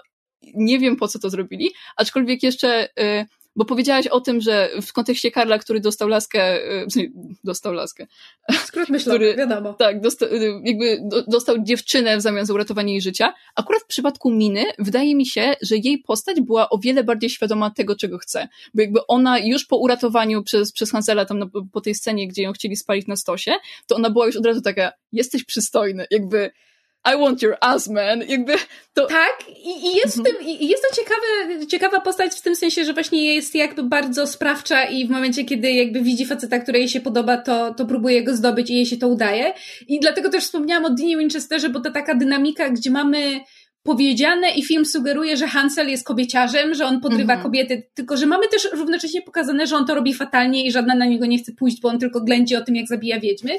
Więc mamy taką sugestię tego, że, że Hansel jest e, kobieciarzem i że leci na wszystko, co się rusza, ale jak tylko jest kobieta, która robi pierwszy krok i próbuje jego poderwać, to on -hmm. natychmiast, wiesz, w panice się wycofuje i takie na zasadzie coś Niezręczny. Mm -hmm, tak, to jest bardzo w, ty, w typie Dina Winchestera i to jest z jednej strony fajne, a z drugiej strony takie, like, już to widziałam, plus Mina, mimo tego, że niby też się okazuje tą dobrą czarownicą i w jaki sposób pokazuje Hanselowi, że nie wszystkie czarownice są złe i mu pomaga, um, a na koniec ginie. Yeah. Ta, i oczywiście jej ostatnie słowa to jest y, ten I zabić zabity, zabity dziwkę czy coś takiego. Mhm. Mm, no niech se będzie. To Ostatnie nadal jest słowa. takie straszno, No. s- strasznie, wiesz, właśnie um, ratujesz świat przed złem, to dostaniesz w nagrodę dziewczynę na moment. As Mhm. a treat. As a treat, yeah. Tak. Natomiast to, o czym chciałam też wspomnieć, skoro mówimy o, o, o Hanselu i o Gretel i jakby o, o tworzeniu, y, o, o- tym, jak zostali stworzeni jako postacie, em, bo Hansel ma taką ciekawą rzecz, mianowicie e, ma wadę w Mhm. filmie, co jest, y, mam wrażenie, rzadko spotykane, tak żeby świadomie dać bohaterowi jakąś wadę, mianowicie ma no cukrzycę, musi Mhm. brać insulinę. Już abstrahując od tego, jak w tym świecie działa insulina i skąd się wzięła, to jest świat, w którym mamy czarownice i też maszynowe kusze, więc y, nie wnikajmy.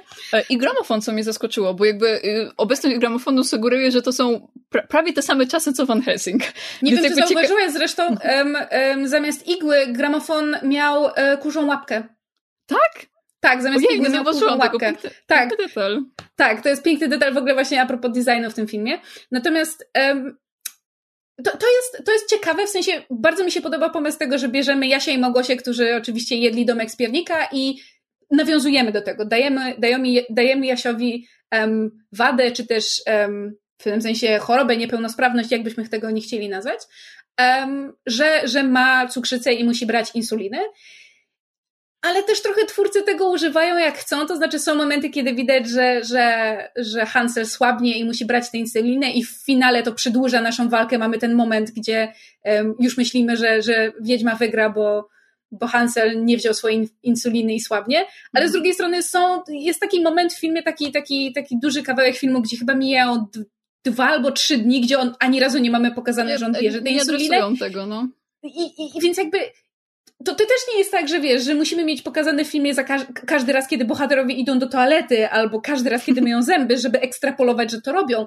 Ale w momencie, kiedy to jest taki istotny element postaci i wpływa e, aktywnie na jego wykonywanie jego pracy i na jego bezpieczeństwo, warto, żeby jednak to bardziej konsekwentnie realizować. Natomiast doczytałam, że był pomysł, aby tę jakby traumę po domku z piernika i po ich pierwszym spotkaniu z, z czarownicą miało oboje rodzeństwo.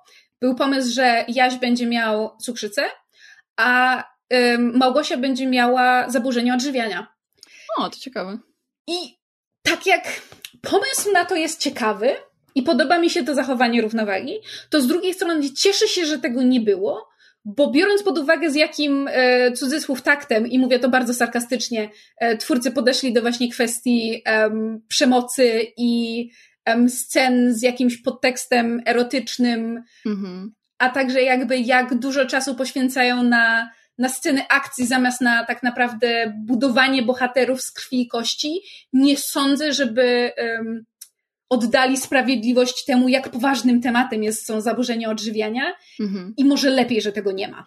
No, tak, w ogóle trochę mi tego brakowało, takiego pogłębienia tych postaci, bo tam był zaczątek tego, jakby Mhm. czuć było czasami, na przykład to, że jakby Gretel chce wracać do tematu matki, a Hansel mówi, że nie rozmawiamy na temat naszej matki, ale to, było, to był jeden dialog, nie? I jakby potem ten temat powrócił, jak byli w swoim jakby domu, w tym jakby z dzieciństwa. I w ogóle to była bardzo urocza scena, jakby takie wiesz, zupełne spowolnienie akcji między po prostu bitką a kolejną bitką, jak po prostu siedzą na swoich łóżkach, jak, jak byli Mhm. jeszcze dziećmi, jakby to było, to było fajne, mi się to podobało. I trochę chciałam zobaczyć trochę więcej takich przemyśleń o swojej przeszłości, bo to jest jednak bardzo traumatyczne, to, że jakby rodzice cię e, po prostu wyprowadzają do lasu i zostawiają cię na pastwę losu, a potem jakby jesteś w sytuacji ogromnego zagrożenia, bo po prostu wiedźma cię trzyma w domu, a potem zabijasz tą wiedźmę. Szczególnie, że w intro pokazali bardzo wyraźnie, że jakby oni, mimo tego, że są dziećmi, po prostu byli bardzo gotowi do ogromnej brutalności i jeszcze patrzyli na to, jak ta wiedźma się pali, więc jakby Mhm. to na pewno odbija piętno na tobie, jako na człowieku. E, I może niewystarczająco, jakby. Okej, w przypadku Hansela bardziej to podkreślili. Pokazali, że to, jak dużo, jak bardzo on zaangażowany jest w to e, łapanie czarownicy w ogóle, że to mu uniemożliwia taki zwykły kontakt z ludźmi, bo po prostu jak jest w barze i próbował tam e, jakby flirtować z jakąś dziewczyną, to od razu zaczął mówić o tym, że o, zabiłem czarownicę e, i ona się posikała w trakcie i jakby, i wiesz, zaczęła, e, kurde, przypomniał mi się ten filmik Kasi Babis. Ja miałam to samo skojarzenie. Tak, posikała się, no nieważne, w każdym razie e, jakby od razu zaczął o tym mówić i widać, że po prostu nie jest w stanie do końca normalnie funkcjonować przez to, jak bardzo aspekt łapania czarownicy jest jego życiem. I w przypadku Gretel, ona się wydawała taka bardziej dostosowana do, jakby do, do środowiska, a myślę, że mogliby z, z nich zrobić jeszcze bardziej takich odludków yy, i takich, że jakby to są osoby, bo jakby, okej, okay, yy, tutaj trzeba zarysować aspekt tych takich uspółcześnień, yy, mm. bo, bo jakby, okej, okay, jest, jest postać Bena, który jest fanem ich i on zbiera tak. wycinki z gazet. Jakby to mi się bardzo spodobało. Jakby pod, podobały mi się takie elementy, które sugerują, że te czasy są bliższe naszym, albo nawet nie tyle, że bliższe, tylko że e, jakby reżyserowie świadomie wyciągają rzeczy, które mamy w współczesności i przekładają je na e, jakby zamierzchłe czasy, żeby dać takie poczucie takiej znajomości. Moje ulubione to są e, rysunki zaginionych dzieci na butelkach mleka. Dokładnie. I to jest zresztą to jest jedna z pierwszych scen w filmie chyba po, po intro, po, po prologu. Tak, tak, tak. I, to jest super, jakby, to mi się bardzo podoba. Ja lubię takie elementy i, i w tym filmie, gdzie właśnie mamy wiedźmy i wiesz, mecha- i te maszynowe kusze i ten, i paralizator nakręcany na ten, ładowany na dynamo tak, e, i gramofon tak, z dużą tak. łapką i to wszystko, jakby ja to kupuję. To dla mnie, to dla mnie nie jest problem, to mi nie rozwala żadnego zawieszenia niewiary mhm. czy coś takiego. Ale skoro już przy tym jesteśmy, jeśli mogę, że tak powiem, nas, nas trochę skręcić w, w temat um, o designie, mhm. bo to jest coś, do, do czego już nawiązywałyśmy, mianowicie to jest film, który pod względem designu stoi o wiele wyżej niż Van Helsing. Zresztą sama też mhm. zwróciłaś na to uwagę, że jakby pod względem nie tylko wizualnie tego, co widzimy na ekranie, ale tego, co, co to nam sugeruje o świecie i postaciach, daje nam o wiele więcej do, do wgryzienia się. Na przykład fakt, że mamy, każda czarownica ma inny design. Co mhm. fantastycznie widać w finałowej walce podczas sabatu, gdzie mamy mnóstwo NPC-ów e, wiedźm i każda jest inna i każda jest jest, e, znaczy po prostu um, kostiumolog i, i, i ludzie od makijażu i od, od rekwizytów się fantastycznie spisali -hmm. w ogóle design tych postaci, bo każda jest indywidualna. Jasne, niektóre są stereotypowe, ale mamy na przykład mamy czarownicę z, z Dalekiego Wschodu, czy też z Egiptu, mamy czarownicę z Dalekiej Północy okutaną w futra, mamy jakąś taką starą rosyjską babuszkę z fajką, mamy bliźniaczki, mhm. mamy e, jakąś taką wężową wiedźmę, jakąś e, bagnistą wiedźmę, znaczy po prostu każda wizualnie mhm. tworzy osobną postać o osobnym charakterze, miejscu pochodzenia, jakichś takich cechach. Tak, tak. I one służą tylko jako mięso armatnie. I to mnie tak boli, Mega bo szkoda. to jest film, o którym ja bym bardzo, bardzo chętnie przeczytała albo przyjrzała um, taki art album, tak, mhm. album z, z world buildingu czy, czy, czy z art designu, bo, bo tam by było bardzo dużo informacji właśnie na zasadzie, kim jest ta wiedźma, dlaczego wygląda jak wygląda, jakie ma fajne elementy. I mam wrażenie, że w tym filmie jest bardzo dużo tego typu rzeczy. Właśnie mm-hmm. ten troll, który jest przecież w całości praktycznie e, efektem, efektem praktycznym. Zresztą mm-hmm. ten mhm. film w większości ma efekty praktyczne, efekty tylko podrasowane tak. CGI. I to, to widać. I to jest wizualnie świetny film. Mhm. Ale jakby to wszystko. Takie y, dużo rzeczy jest ciekawych na obrzeżach tego filmu, jakby tak. one nie są eksplorowane. Y, wiesz co, wydaje mi się, że, że ta cały aspekt tych ciekawych designów, to ja myślę, że to jest zasługa tego, że po prostu z roku na rok y, rośnie istotność koncept artów w filmach i w ogóle jak tworzysz właśnie jakieś no, jak tworzysz jakąś franczyzę, bo to, mia, to miał być początek jakiejś serii, e, to próbujesz e, jakby ustanowić pewną stylistykę i pewne e, jakby założenia do świata i takie generalne, takie założenia stylowe trochę. E, mhm. I wydaje mi się, że te, te świetne wiedźmy, bo jakby one miały mnóstwo pięknych strojów, ale po prostu trzeba było zastopować film i im się przejrzeć, bo te, te ujęcia na nie trwały może z trzy sekundy, więc jakby nie, nie przyjrzałbyś się tego. To myślę, że to jest zasługa dużej ilości koncept, koncept artystów i kostiumologów i ludzi od make-upów, którzy po prostu spędzili godziny nad tym, żeby potem pokazać tylko kawałeczek. Ale gdyby ten film okazał się serią, to myślę, że to byłoby bardziej eksplorowane. Aczkolwiek, mm. Też szkoda, że te trzy główne wiedźmy, które się pojawiały, e, trzy czy tam dwie, no nie pamiętam, trzy. w każdym razie tak, trzy główne wiedźmy, ich designy były dość nudne. I jakby uwielbiałam przemianę tej, przepraszam, nie pamiętam absolutnie żadnego imienia wiedźmy, ale tej z czarnymi Muriel. włosami. Muriel. A, Muriel. E, jakby fajnie wyglądała w tej takiej ludzkiej formie i, fa- i to był fajny twist z tym, że jakby te takie najbardziej potężne wiedźmy mogą przechodzić między tą swoją ludzką formą a tą bardziej wiedźmą, e, ale one były esencjonalnie takie same, tylko że jedna miała jakieś tam bardziej kolce, druga miała bardziej chyba wężową skórę, czy coś w tym stylu. I trochę to było rozczarowujące po tym, jak na końcu zobaczyłeś, e, zobaczyłaś różnorodność wiedźm, jakie się pojawiają, jako właśnie to mięso armatnie. E, I wiesz co, tutaj mam jedną, jedną myśl, bo nie myślałam o tym, o tym dużo, ale dopiero dzisiaj, jak sobie robiłam takie, po prostu, bo spisywałam jakieś różne przemyślenia w trakcie oglądania, ale dopiero jak to sobie spisałam do, do Doksa, to mi przyszła jedna rzecz do głowy, bo ten film dość mocno zaznacza, mm, robi taki kontrast, ale z drugiej strony też fajnie go eksploruje, e, że tym, że to, co jest brzydkie, to jest złe, e, a to, co jest piękne, jest dobre. I, I pokazują tą różnicę zarówno przy białych wiedźmach, tym, że po prostu białe wiedźmy e, jakby nie gniją od środka, e, a że złe wiedźmy jakby pragną tego piękna, ale jakby są tak złe, że po prostu się psują wewnętrznie. E, ale, ale potem pomyślałam o tym, że ten film też uderza trochę, ale też niewystarczająco w te tematy, że ludzie, mimo tego, że są, nie są nadnaturalnymi istotami, oni też są strasznie źli, bo jakby ta scena y, ataku y, wiedźm na, na miasto, mhm. która się kończy porwaniem tego dziecka, w sensie tego, tego ostatniego dziecka potrzebno, potrzebnego do rytuału. Y, I, I tam jest ogromna zagłada po prostu, no tam mnóstwo osób umiera.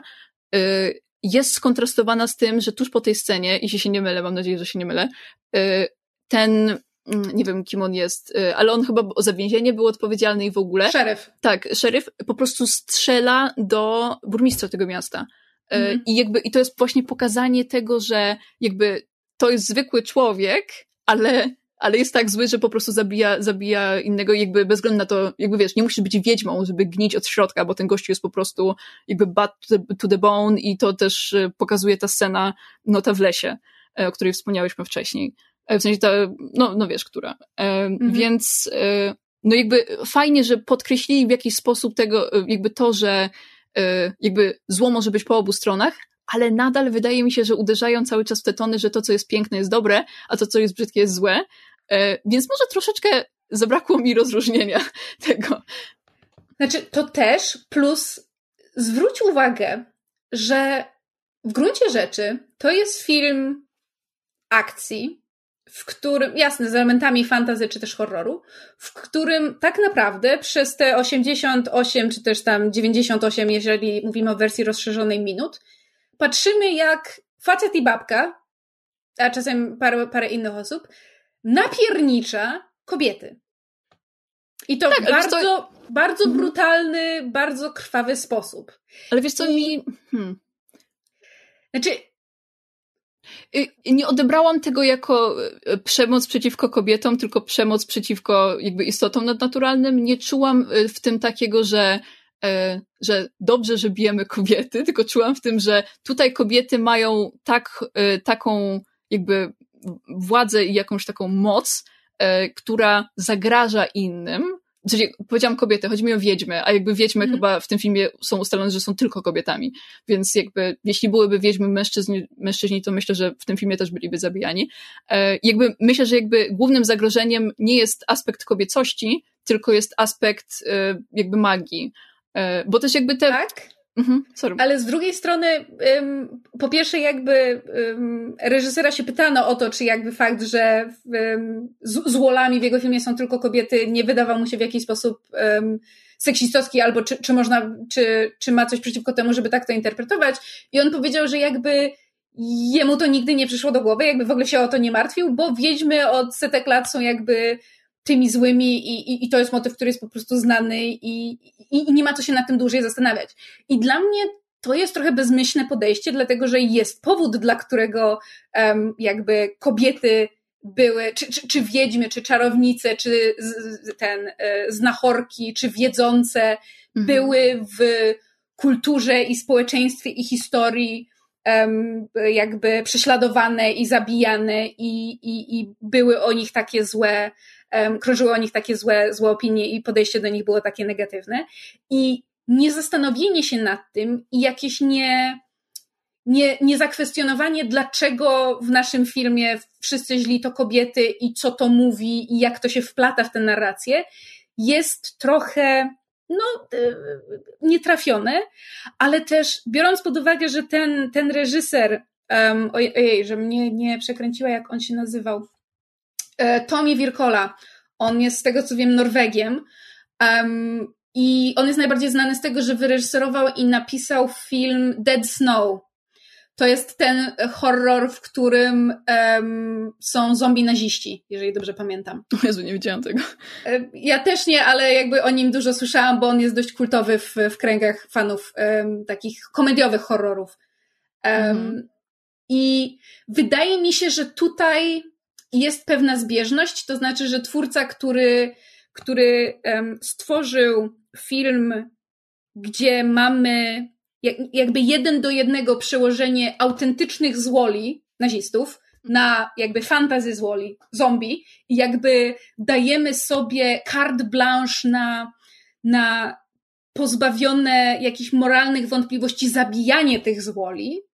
Fakt, że on potem stworzył film, w którym jakby w bardzo podobnym kontekście tłumaczymy sobie, że zabijamy mnóstwo kobiet tym, że są złymi wiedźmami i wszystkie y, i, i złe wiedźmy należy zabijać, jest ciekawym uproszczeniem i, i uznałam, że trzeba o tym porozmawiać, mhm. bo, bo też właśnie brutalność tych, tych scen, um, nie, że mnie to rusza, w sensie nie robiło mi się niedobrze, ale jakby jest czymś, na co zwraca się uwagę, jest czymś, co się jakby z tego okranu, um, chciałam powiedzieć, wylewa, ale wylewa się trochę. Trochę się wylewa, To jest tak. dobre słowo na to. Um, znaczy inaczej, jeżeli ktoś lubi filmy, lubi filmy Tarantino i zresztą ten, ten reżyser Wirkola się, się nie kryje z tym, że się inspirował i, i Tarantino, i, i Braindead Petera Jacksona i jakby tego typu filmami, czy, czy serią e, ten Armia Umarłych, znaczy nie, Armia Ciemności, przepraszam, Sama Raimiego, czyli takich jakby klasyków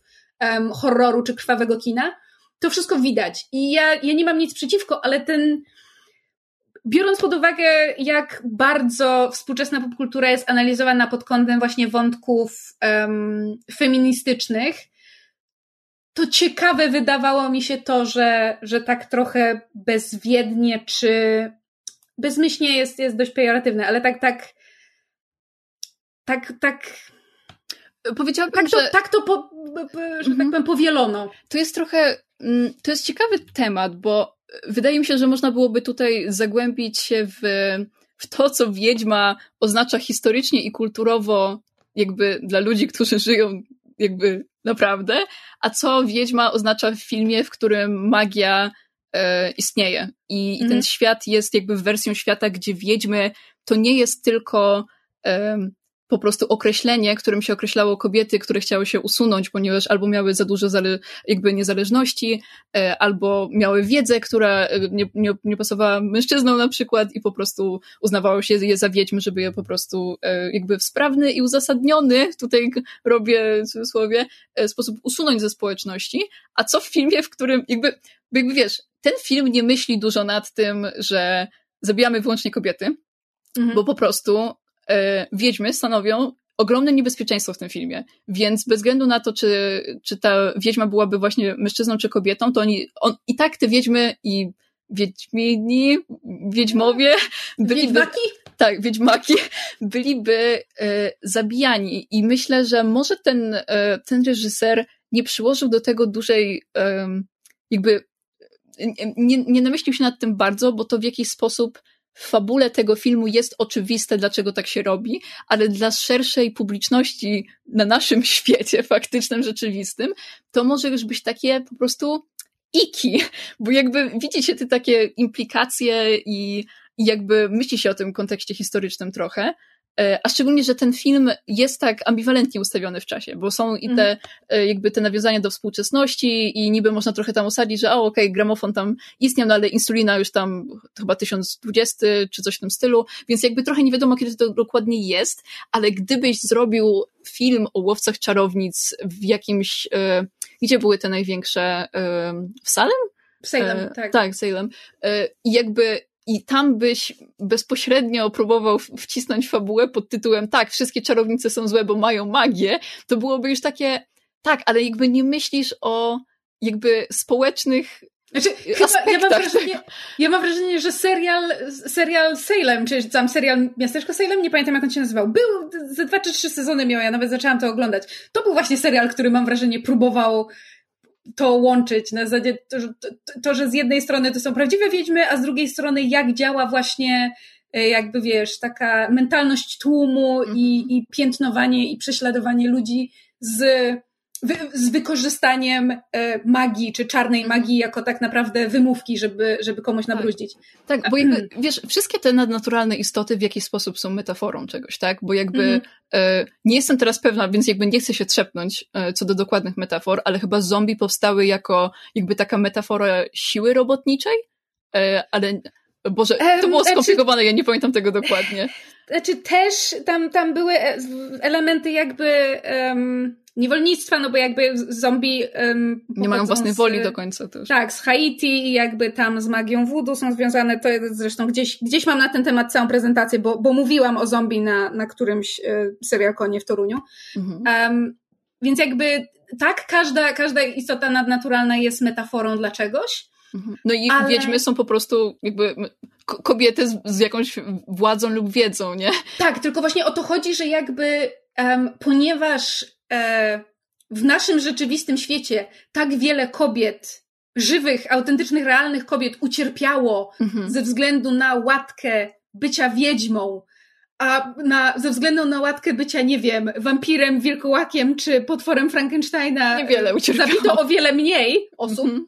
E, I, I to też nie konkretnie kobiet, bo to jest bardzo istotne. Tak, to tak, jakby tak. o bycie wampirem można było oskarżyć e, powiedzmy każdego, E, i zresztą się to zdarzało, ale jednak bycie wiedźmą czy czarownicą było głównie kobiecym, kobiecym, e, kobiecą e, łatką czy też oskarżeniem, chociaż wcale mhm. mężczyzn też o, o czaro, czarostwo oskarżono. No, wszystkich, co nie odpowiadali w jakiś tak. sposób. Tak.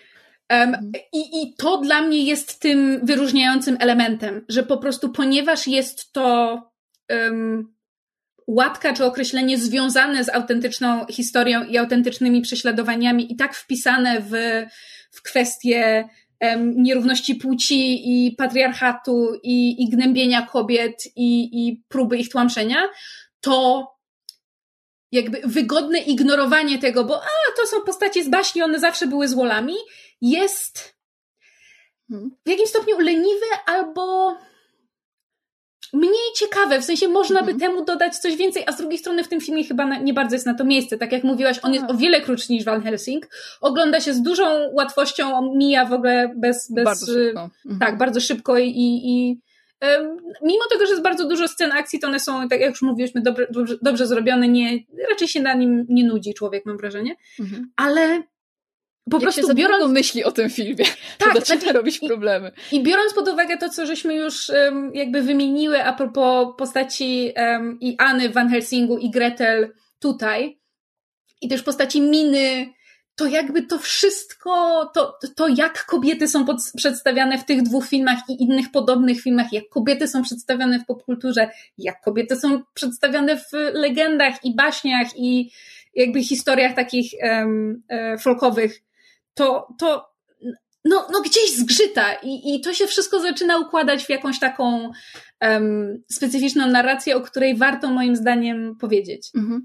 Myślę, że ten film był tak nastawiony na taki prosty entertainment, że no mówię, po pierwsze nie, nie poświęcili dużo e, czasu na stworzenie bardziej zaawansowanej, nazwijmy to, fabuły.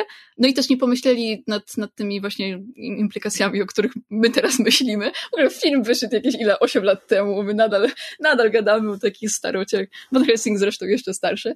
Um, ale coś, jakby mówiłaś o scenach e, jakby akcji i one mi się w Van Helsingu pod względem kreatywności i takiej różnorodności broni, jakie tam używają, też te, te takie pułapki, które oni nawet zakładają, bardzo mi się podobały. Bardzo też mi się coś podobało, to, to była fizyczność walk, bo jakby jak tam ktoś obrywa, to on naprawdę obrywa. Jakby po pierwsze, oczywiście krew się leje, ale jakby na, nawet efekty dźwiękowe, e, jak ktoś po prostu dostaje albo zostaje postrzelony, albo nie wiem, upada na, na jakieś skrzynie czy cokolwiek, to wszystko jest bardzo fizyczne i takie namacalne, takie, że jak ja zobaczę, bo jakby w ogóle w tych walkach oni sporo obrywają. Nawet nie mówię o takiej, że po prostu wiedźma zostaje rozwalona na, na kawałeczki, ale że po prostu Hansel i Gretel podczas walki cały czas dostają mordę.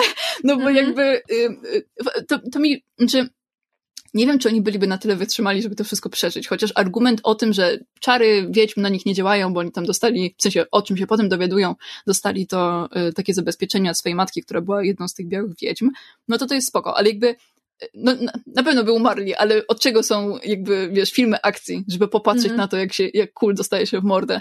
Um, ale też, co mi się bardzo podobało w tym filmie, oprócz właśnie tych kreatywnych tam, tych pistoletów. W ogóle właśnie w Van Helsingu było o wiele mniej pistoletów niż zapamiętałam. Myślałam, mm -hmm. że mhm. Van Helsing był też tak jakby zaawansowany technologicznie, jak Hansel i Gretel, ale nie. Jakby... Nie, on jest, on jest jakby stopień niżej, mam Tak, wrażenie. tak, tak. Ta, tam jest ta cool, y, ręczna, obrotowa piła, e, bardzo fajna. I trochę też taki mhm. shuriken, bo on w pewnym momencie rzuca, rzuca nią. E, to było fajne, to mi się skojarzyło z taką bronią z, z tego, e, Boże, Unreal Tur e, Tournament, że tam po prostu był taki pistolet, który strzelał takimi właśnie piłami, uwielbiałam to. I się odbijały od ściany, rekordy mm były inne takie.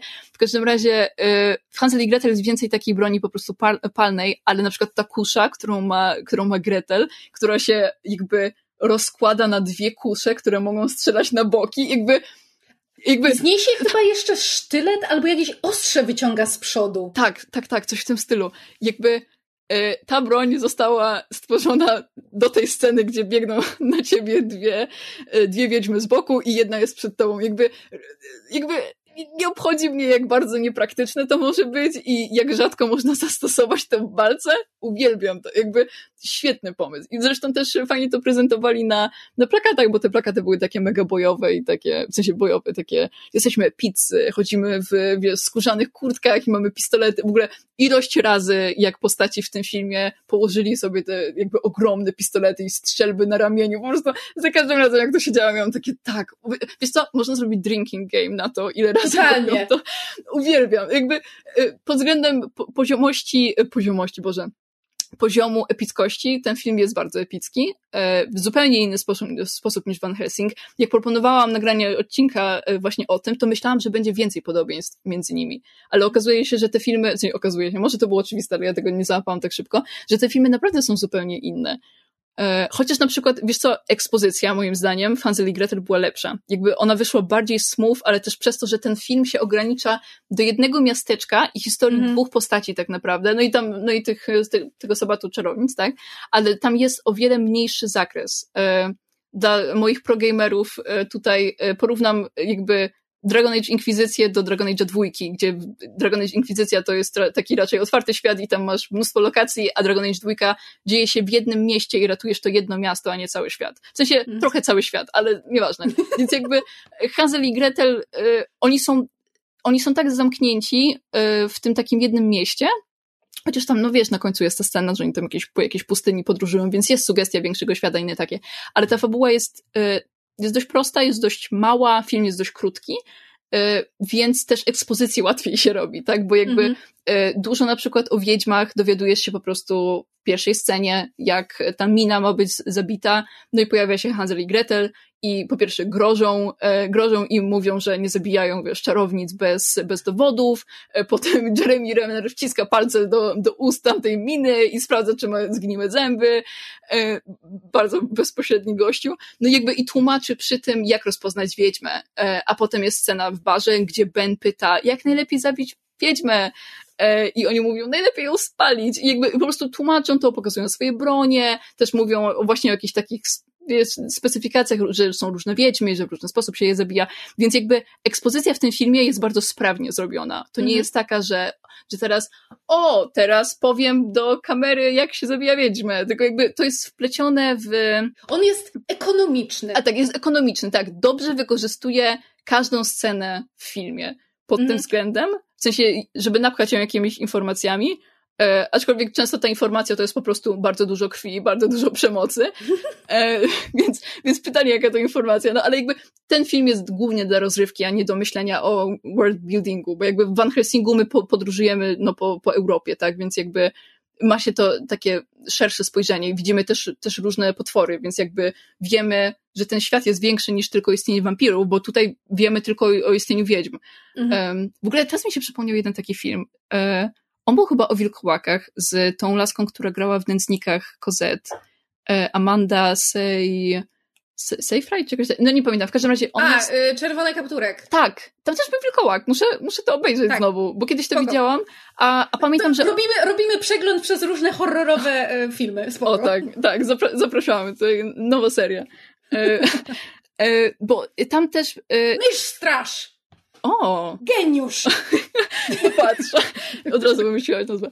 E, ale słuchaj, bo właśnie myślę o tym, że bo oba te filmy, Ivan Helsing i, i też ten Czerwony Kapturek i, i e, Hansel i Gretel, mają wątek właśnie, że jest małe miasto i że to miasto jest prześladowane w jakiś sposób właśnie przez jakieś, jakieś tam konkretne um, te istoty nadnaturalne i jakby, kurde, to, to jest dobry motyw, jakby dużo filmów się łapie za coś takiego. Wiesz tylko... to dużo filmów, mm -hmm. dużo, um, że tak powiem, e, sesji w dedekach i tak. innych RPGach się na to tak. łapie. I właśnie szukam filmów, Ale bo to jest który... motyw z westernów. Przyjeżdżasz tak. do małego miasta, które ma problemy, pomagasz rozwiązać problemy, jedziesz do kolejnego miasta. Właśnie chciałabym, żeby, żeby pojawił się jakiś większy twist i nie, dawno tego nie wiedziałam, ale wydaje mi się, że w tym czerwonym kapturku tam było jakby, pamiętam, okej, okay, dobra, wrócimy do tego filmu, jak go obejrzę, ale pamiętam, że było tam parę ciekawych rzeczy, które naprawdę miałam takie, że damn, mm. that's good. Tylko, że jakby tamten film, z tego co pamiętam, on poszedł w stronę young adults novel, a nie poszedł Trochę w tak. horror i jakby, albo jakieś cięż,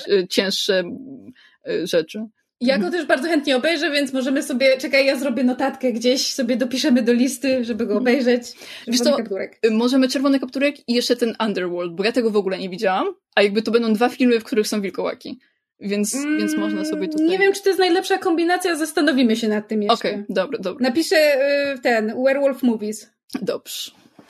Y, o, i jeszcze ten mówiłaś, ten... Amerykański wilkołak Amerykański, tak. Mhm. Jeszcze pomyślałam o tym e, nastoletni wilkołach, w sensie Teen Wolf, bo ja to kiedyś namiętnie oglądałam. Wiesz co, e, ja, ja, ja, znaczy został mi ostatni sezon serialu do, do nadgonienia, bo w pewnym momencie odpadłam. Kochałam go ogromnie, ja ale jest też e, film z lat, chcę powiedzieć, 80. Chyba coś koło tego, tak. Z tak. Michael J. Foxem, tak. To jest bardzo, bardzo klasyczny film. Trzeba, trzeba będzie zobaczyć. Słuchaj, ja tak mogę długo wymieniać, ta lista nigdy się nie skończy. Dobrze, ale wróćmy do, tak. wróćmy do meritum. W sumie niewiele mam jeszcze do powiedzenia o tym Hansel i Gretel, ale podobała mi się relacja rodzeństwa oczywiście, no jakby musiała być w jakiś sposób rozwinięta, ale zbyt płytko, nadal. Jakby no właśnie, dla podobało mnie mi się takie, tego za mało. Tak, jakby spoko dbanie o siebie yy, mm -hmm. i mhm. takie, taka troska i taki strach nawet taki surrealistyczny, że po prostu nie chcą się jakby rozstawać i po prostu, wiesz, jak, jak tylko Hansel zobaczył, że, że Gretel miała jakąś tam bliznę na czole, to od razu zapytał, kto to zrobił, nie? I jakby od razu chciał pójść i się bić. E, I też takie docinki nawzajem, na przykład to jak, jak, chyba, chyba Gretel mówi do Hansela, że I fucking hate you, a on jej odpowiada you look like shit. Jakby tak. fajne, urocze, ale ale za mało jest tego. Tak, za mało i za mało tego, takiej głębi w tym, że oni przeszli dosłownie przez piekło, jak byli mm. mali i potem jakby zamienili tą traumę, w jaki sposób wykorzystali to i jakby poprzez zabijanie wiedźm e, w jaki sposób wykorzystują swoje jakby ciężkie przeżycia, żeby pomagać innym. Trochę, mm. trochę za mało było tego. Ja mam wrażenie, słuchaj, tak jak sobie teraz rozmawiamy właśnie o tej takiej um, powiedzmy płytkości pewnych elementów, czy, czy nie do końca wykorzystaniu ich przez, przez twórców, się tak zaczęłam zastanawiać i to nie jest pierwszy raz, kiedy mi to przychodzi do głowy, że granie w RPG mnie strasznie rozpuściło.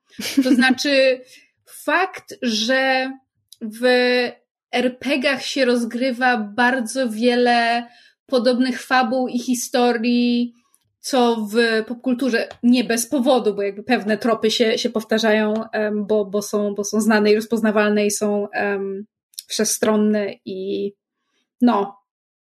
uniwersalny to jest to słowo, którego szukam, ale też, wiesz, bo, bo jak, jak się zastanowisz nad tym, nad, e, nad właśnie na przykład Hansel i Gretel i taką, taką relacją brata i siostry, którzy doznali takiej ogromnej traumy w dzieciństwie i potem stali się łowcami potworów, czy, czy w tym wypadku czarownic, to jest taki bardzo, powiedzmy, właśnie dedykowy motyw. Zdecydowanie.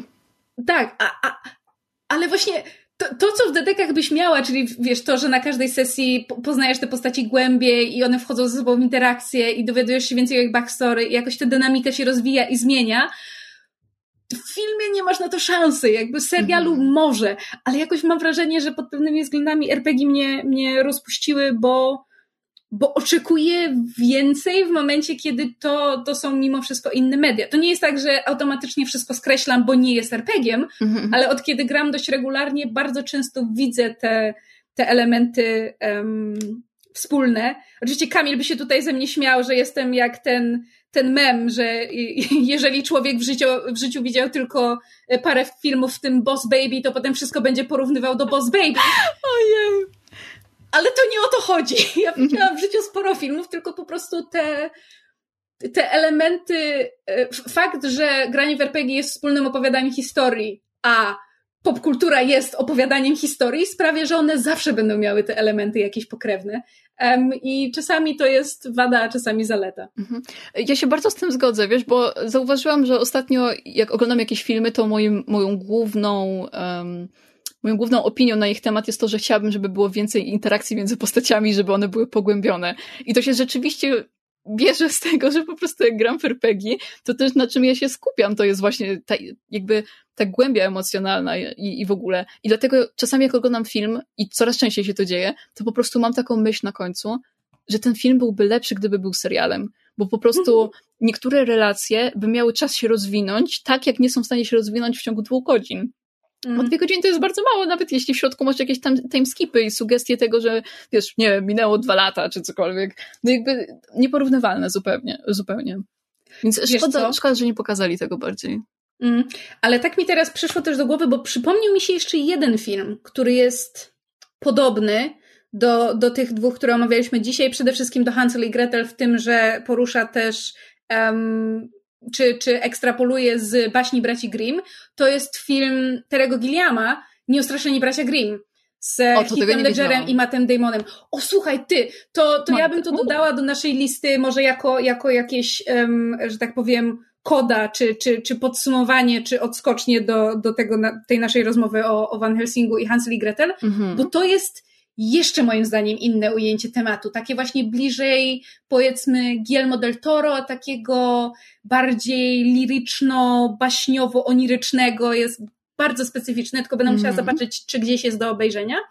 A ym, y, uwaga dla nas y, do omawiania kolejnych filmów, warto sobie y, ten, y, zakodować, żebyśmy na początku omawiania informowały słuchaczy, gdzie ewentualnie mogą te filmy obejrzeć, mm -hmm. bo to mhm. będzie dla nich bardzo pomocne. Mogą wtedy zapauzować odcinek i pójść obejrzeć i wrócić i odsłuchać, Aha. bo um, ten Van Helsing jest do obejrzenia na Netflixie i na Amazon Prime, a Hansel i Gretel jest do obejrzenia na iTunes do wypożyczenia za tam bodajże 10 zł czy coś takiego.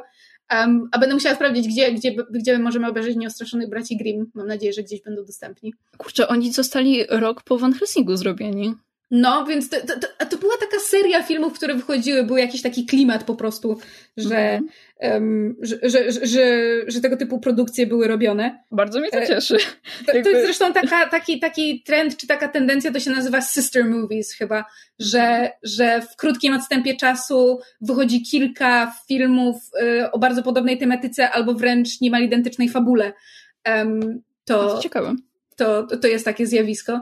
Co, um, zresztą, jeśli e, jakby słuchacze mają jakieś e, sugestie filmów właśnie z jakimiś supernaturalnymi istotami lub po prostu jakby generalną tematyką, ja bardzo chętnie przyjmę coś takiego, więc mhm. piszcie w komentarzach, bo ja, ja po prostu mam sta ten stały niedosyt i mam też takie wrażenie, że jakby jest tyle rodzajów i tyle jakby no bo jak masz wampiry, tak, to niektóre wampiry są widoczne w lustrach, a inne nie. Niektóre się zamieniają w e, jakąś demoniczną formę, niektóre się zamieniają w nietoperza, niektóre w ogóle się nie zamieniają, po prostu to są nieśmiertelni ludzie. E, niektórym się wysuwają kły, a innym się nie wysuwają kły. E, niektórzy mogą się żywić e, jakby krwią zwierząt, a niektórzy są w stanie tylko przeżyć na, na krwi ludzi. Niek niektórych razi światło, niektórych nie. Jakby bardzo mnie interesuje ta różnorodność, bo, mm. bo mhm. jakby jestem też ciekawa, skąd się wzięły też takie klasyczne, właśnie, w sensie wiesz, takie, kto wymyślił, że wampir akurat tak działa i dlaczego ten film zmienił to, jak, jak, jak ten wampir działa. To jest mhm. mega ciekawe. Więc, więc jeśli macie przykłady takich filmów i jakby własne przemyślenia co do tego, i albo kiedyś robiliście research o tym, czy coś w tym stylu, to bardzo chętnie jakby przeczytam o tym w komentarzach. Więc dawajcie. I też jeżeli macie pomysły na dwa właśnie zbliżone albo podobne filmy, które chcielibyście, żebyśmy obejrzał, obejrzeli, czy też obejrzały i skontrastowały, właśnie tak jak na przykład Van Helsing i, i Hansel i Gretel, to też je wrzucajcie w komentarzach, bo, bo my mamy swoje pomysły, ale może któryś z waszych nas zainspiruje do tego, żeby, żeby po nie sięgnąć. Mhm. I to chyba tyle. Płyniemy do brzegu, czy też tak. dopłynęłyśmy do brzegu. Tak, myślę, wiesz co, ja nawet nie mam za dużo do powiedzenia o, o Hansel już, bo e, mam tylko napisane, że cieszę się, że były sceny za dnia, bo było cokolwiek widać w przeciwieństwie do Helsinga. Jakby to wszystko.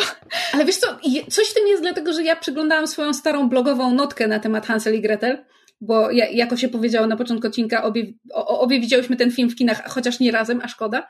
Um, ale nawet w nocy blogowej zwróciłam uwagę na to, że mimo, że sporo scen tego filmu się dzieje w nocy, ja go jeszcze oglądałam w 3D, które z zasady jest nieco ciemniejsze niż normalny, mhm. normalny format, było wszystko bardzo dobrze widać. Więc to jest, to jest najwyraźniej cecha tego filmu, że on był po prostu jakoś tak dobrze obrobiony czy podkoloryzowany, że, że, że wszystko było widać. Mhm. I muszę powiedzieć, że to, co jest dla mnie interesujące, jest to, że moja opinia o Van Helsingu po latach w sumie się niewiele zmieniła. W sensie ten film nadal mi sprawia mnóstwo frajdy, nadal go lubię. Czasami jak nie mam co sobie włączyć w tle do, nie wiem, malowania paznokci, to właśnie włączam sobie Van Helsinga albo Mumię, bo mówię, Steven Sommers to jest po prostu my guy. Mhm. Ale zmieniło się moje zdanie co do Hansel i Gretel. Nadal mam bardzo podobne przemyślenia co do jakby niedociągnięć, ale bawiłam się o wiele lepiej. Ja mm. z kina po Hansel i Gretel wyszłam strasznie zawiedziona, bo właśnie spodziewałam się czegoś w stylu Van Helsinga, a jak, jak, jak wynikło z naszej rozmowy, to mimo wszystko są inne filmy i co innego próbują zrobić ale ponieważ teraz jakby podeszłam do niego z otwartą głową na zasadzie zobaczmy, zobaczmy jakie teraz jest moje zdanie, to, to bawiłam się o wiele lepiej i obejrzałam go naprawdę z, ze sporą dozą takiej przyjemności. Mhm. Ja chyba Van Helsinga za pierwszym razem oglądałam o wiele bardziej uważnie i chyba byłam bardziej zaangażowana w ten film, a za drugim razem on mi się dłużył bardzo i mhm. wydawało mi się, że są w nim sceny, których nie widziałam wcześniej, no ale to widziałam go dość dawno.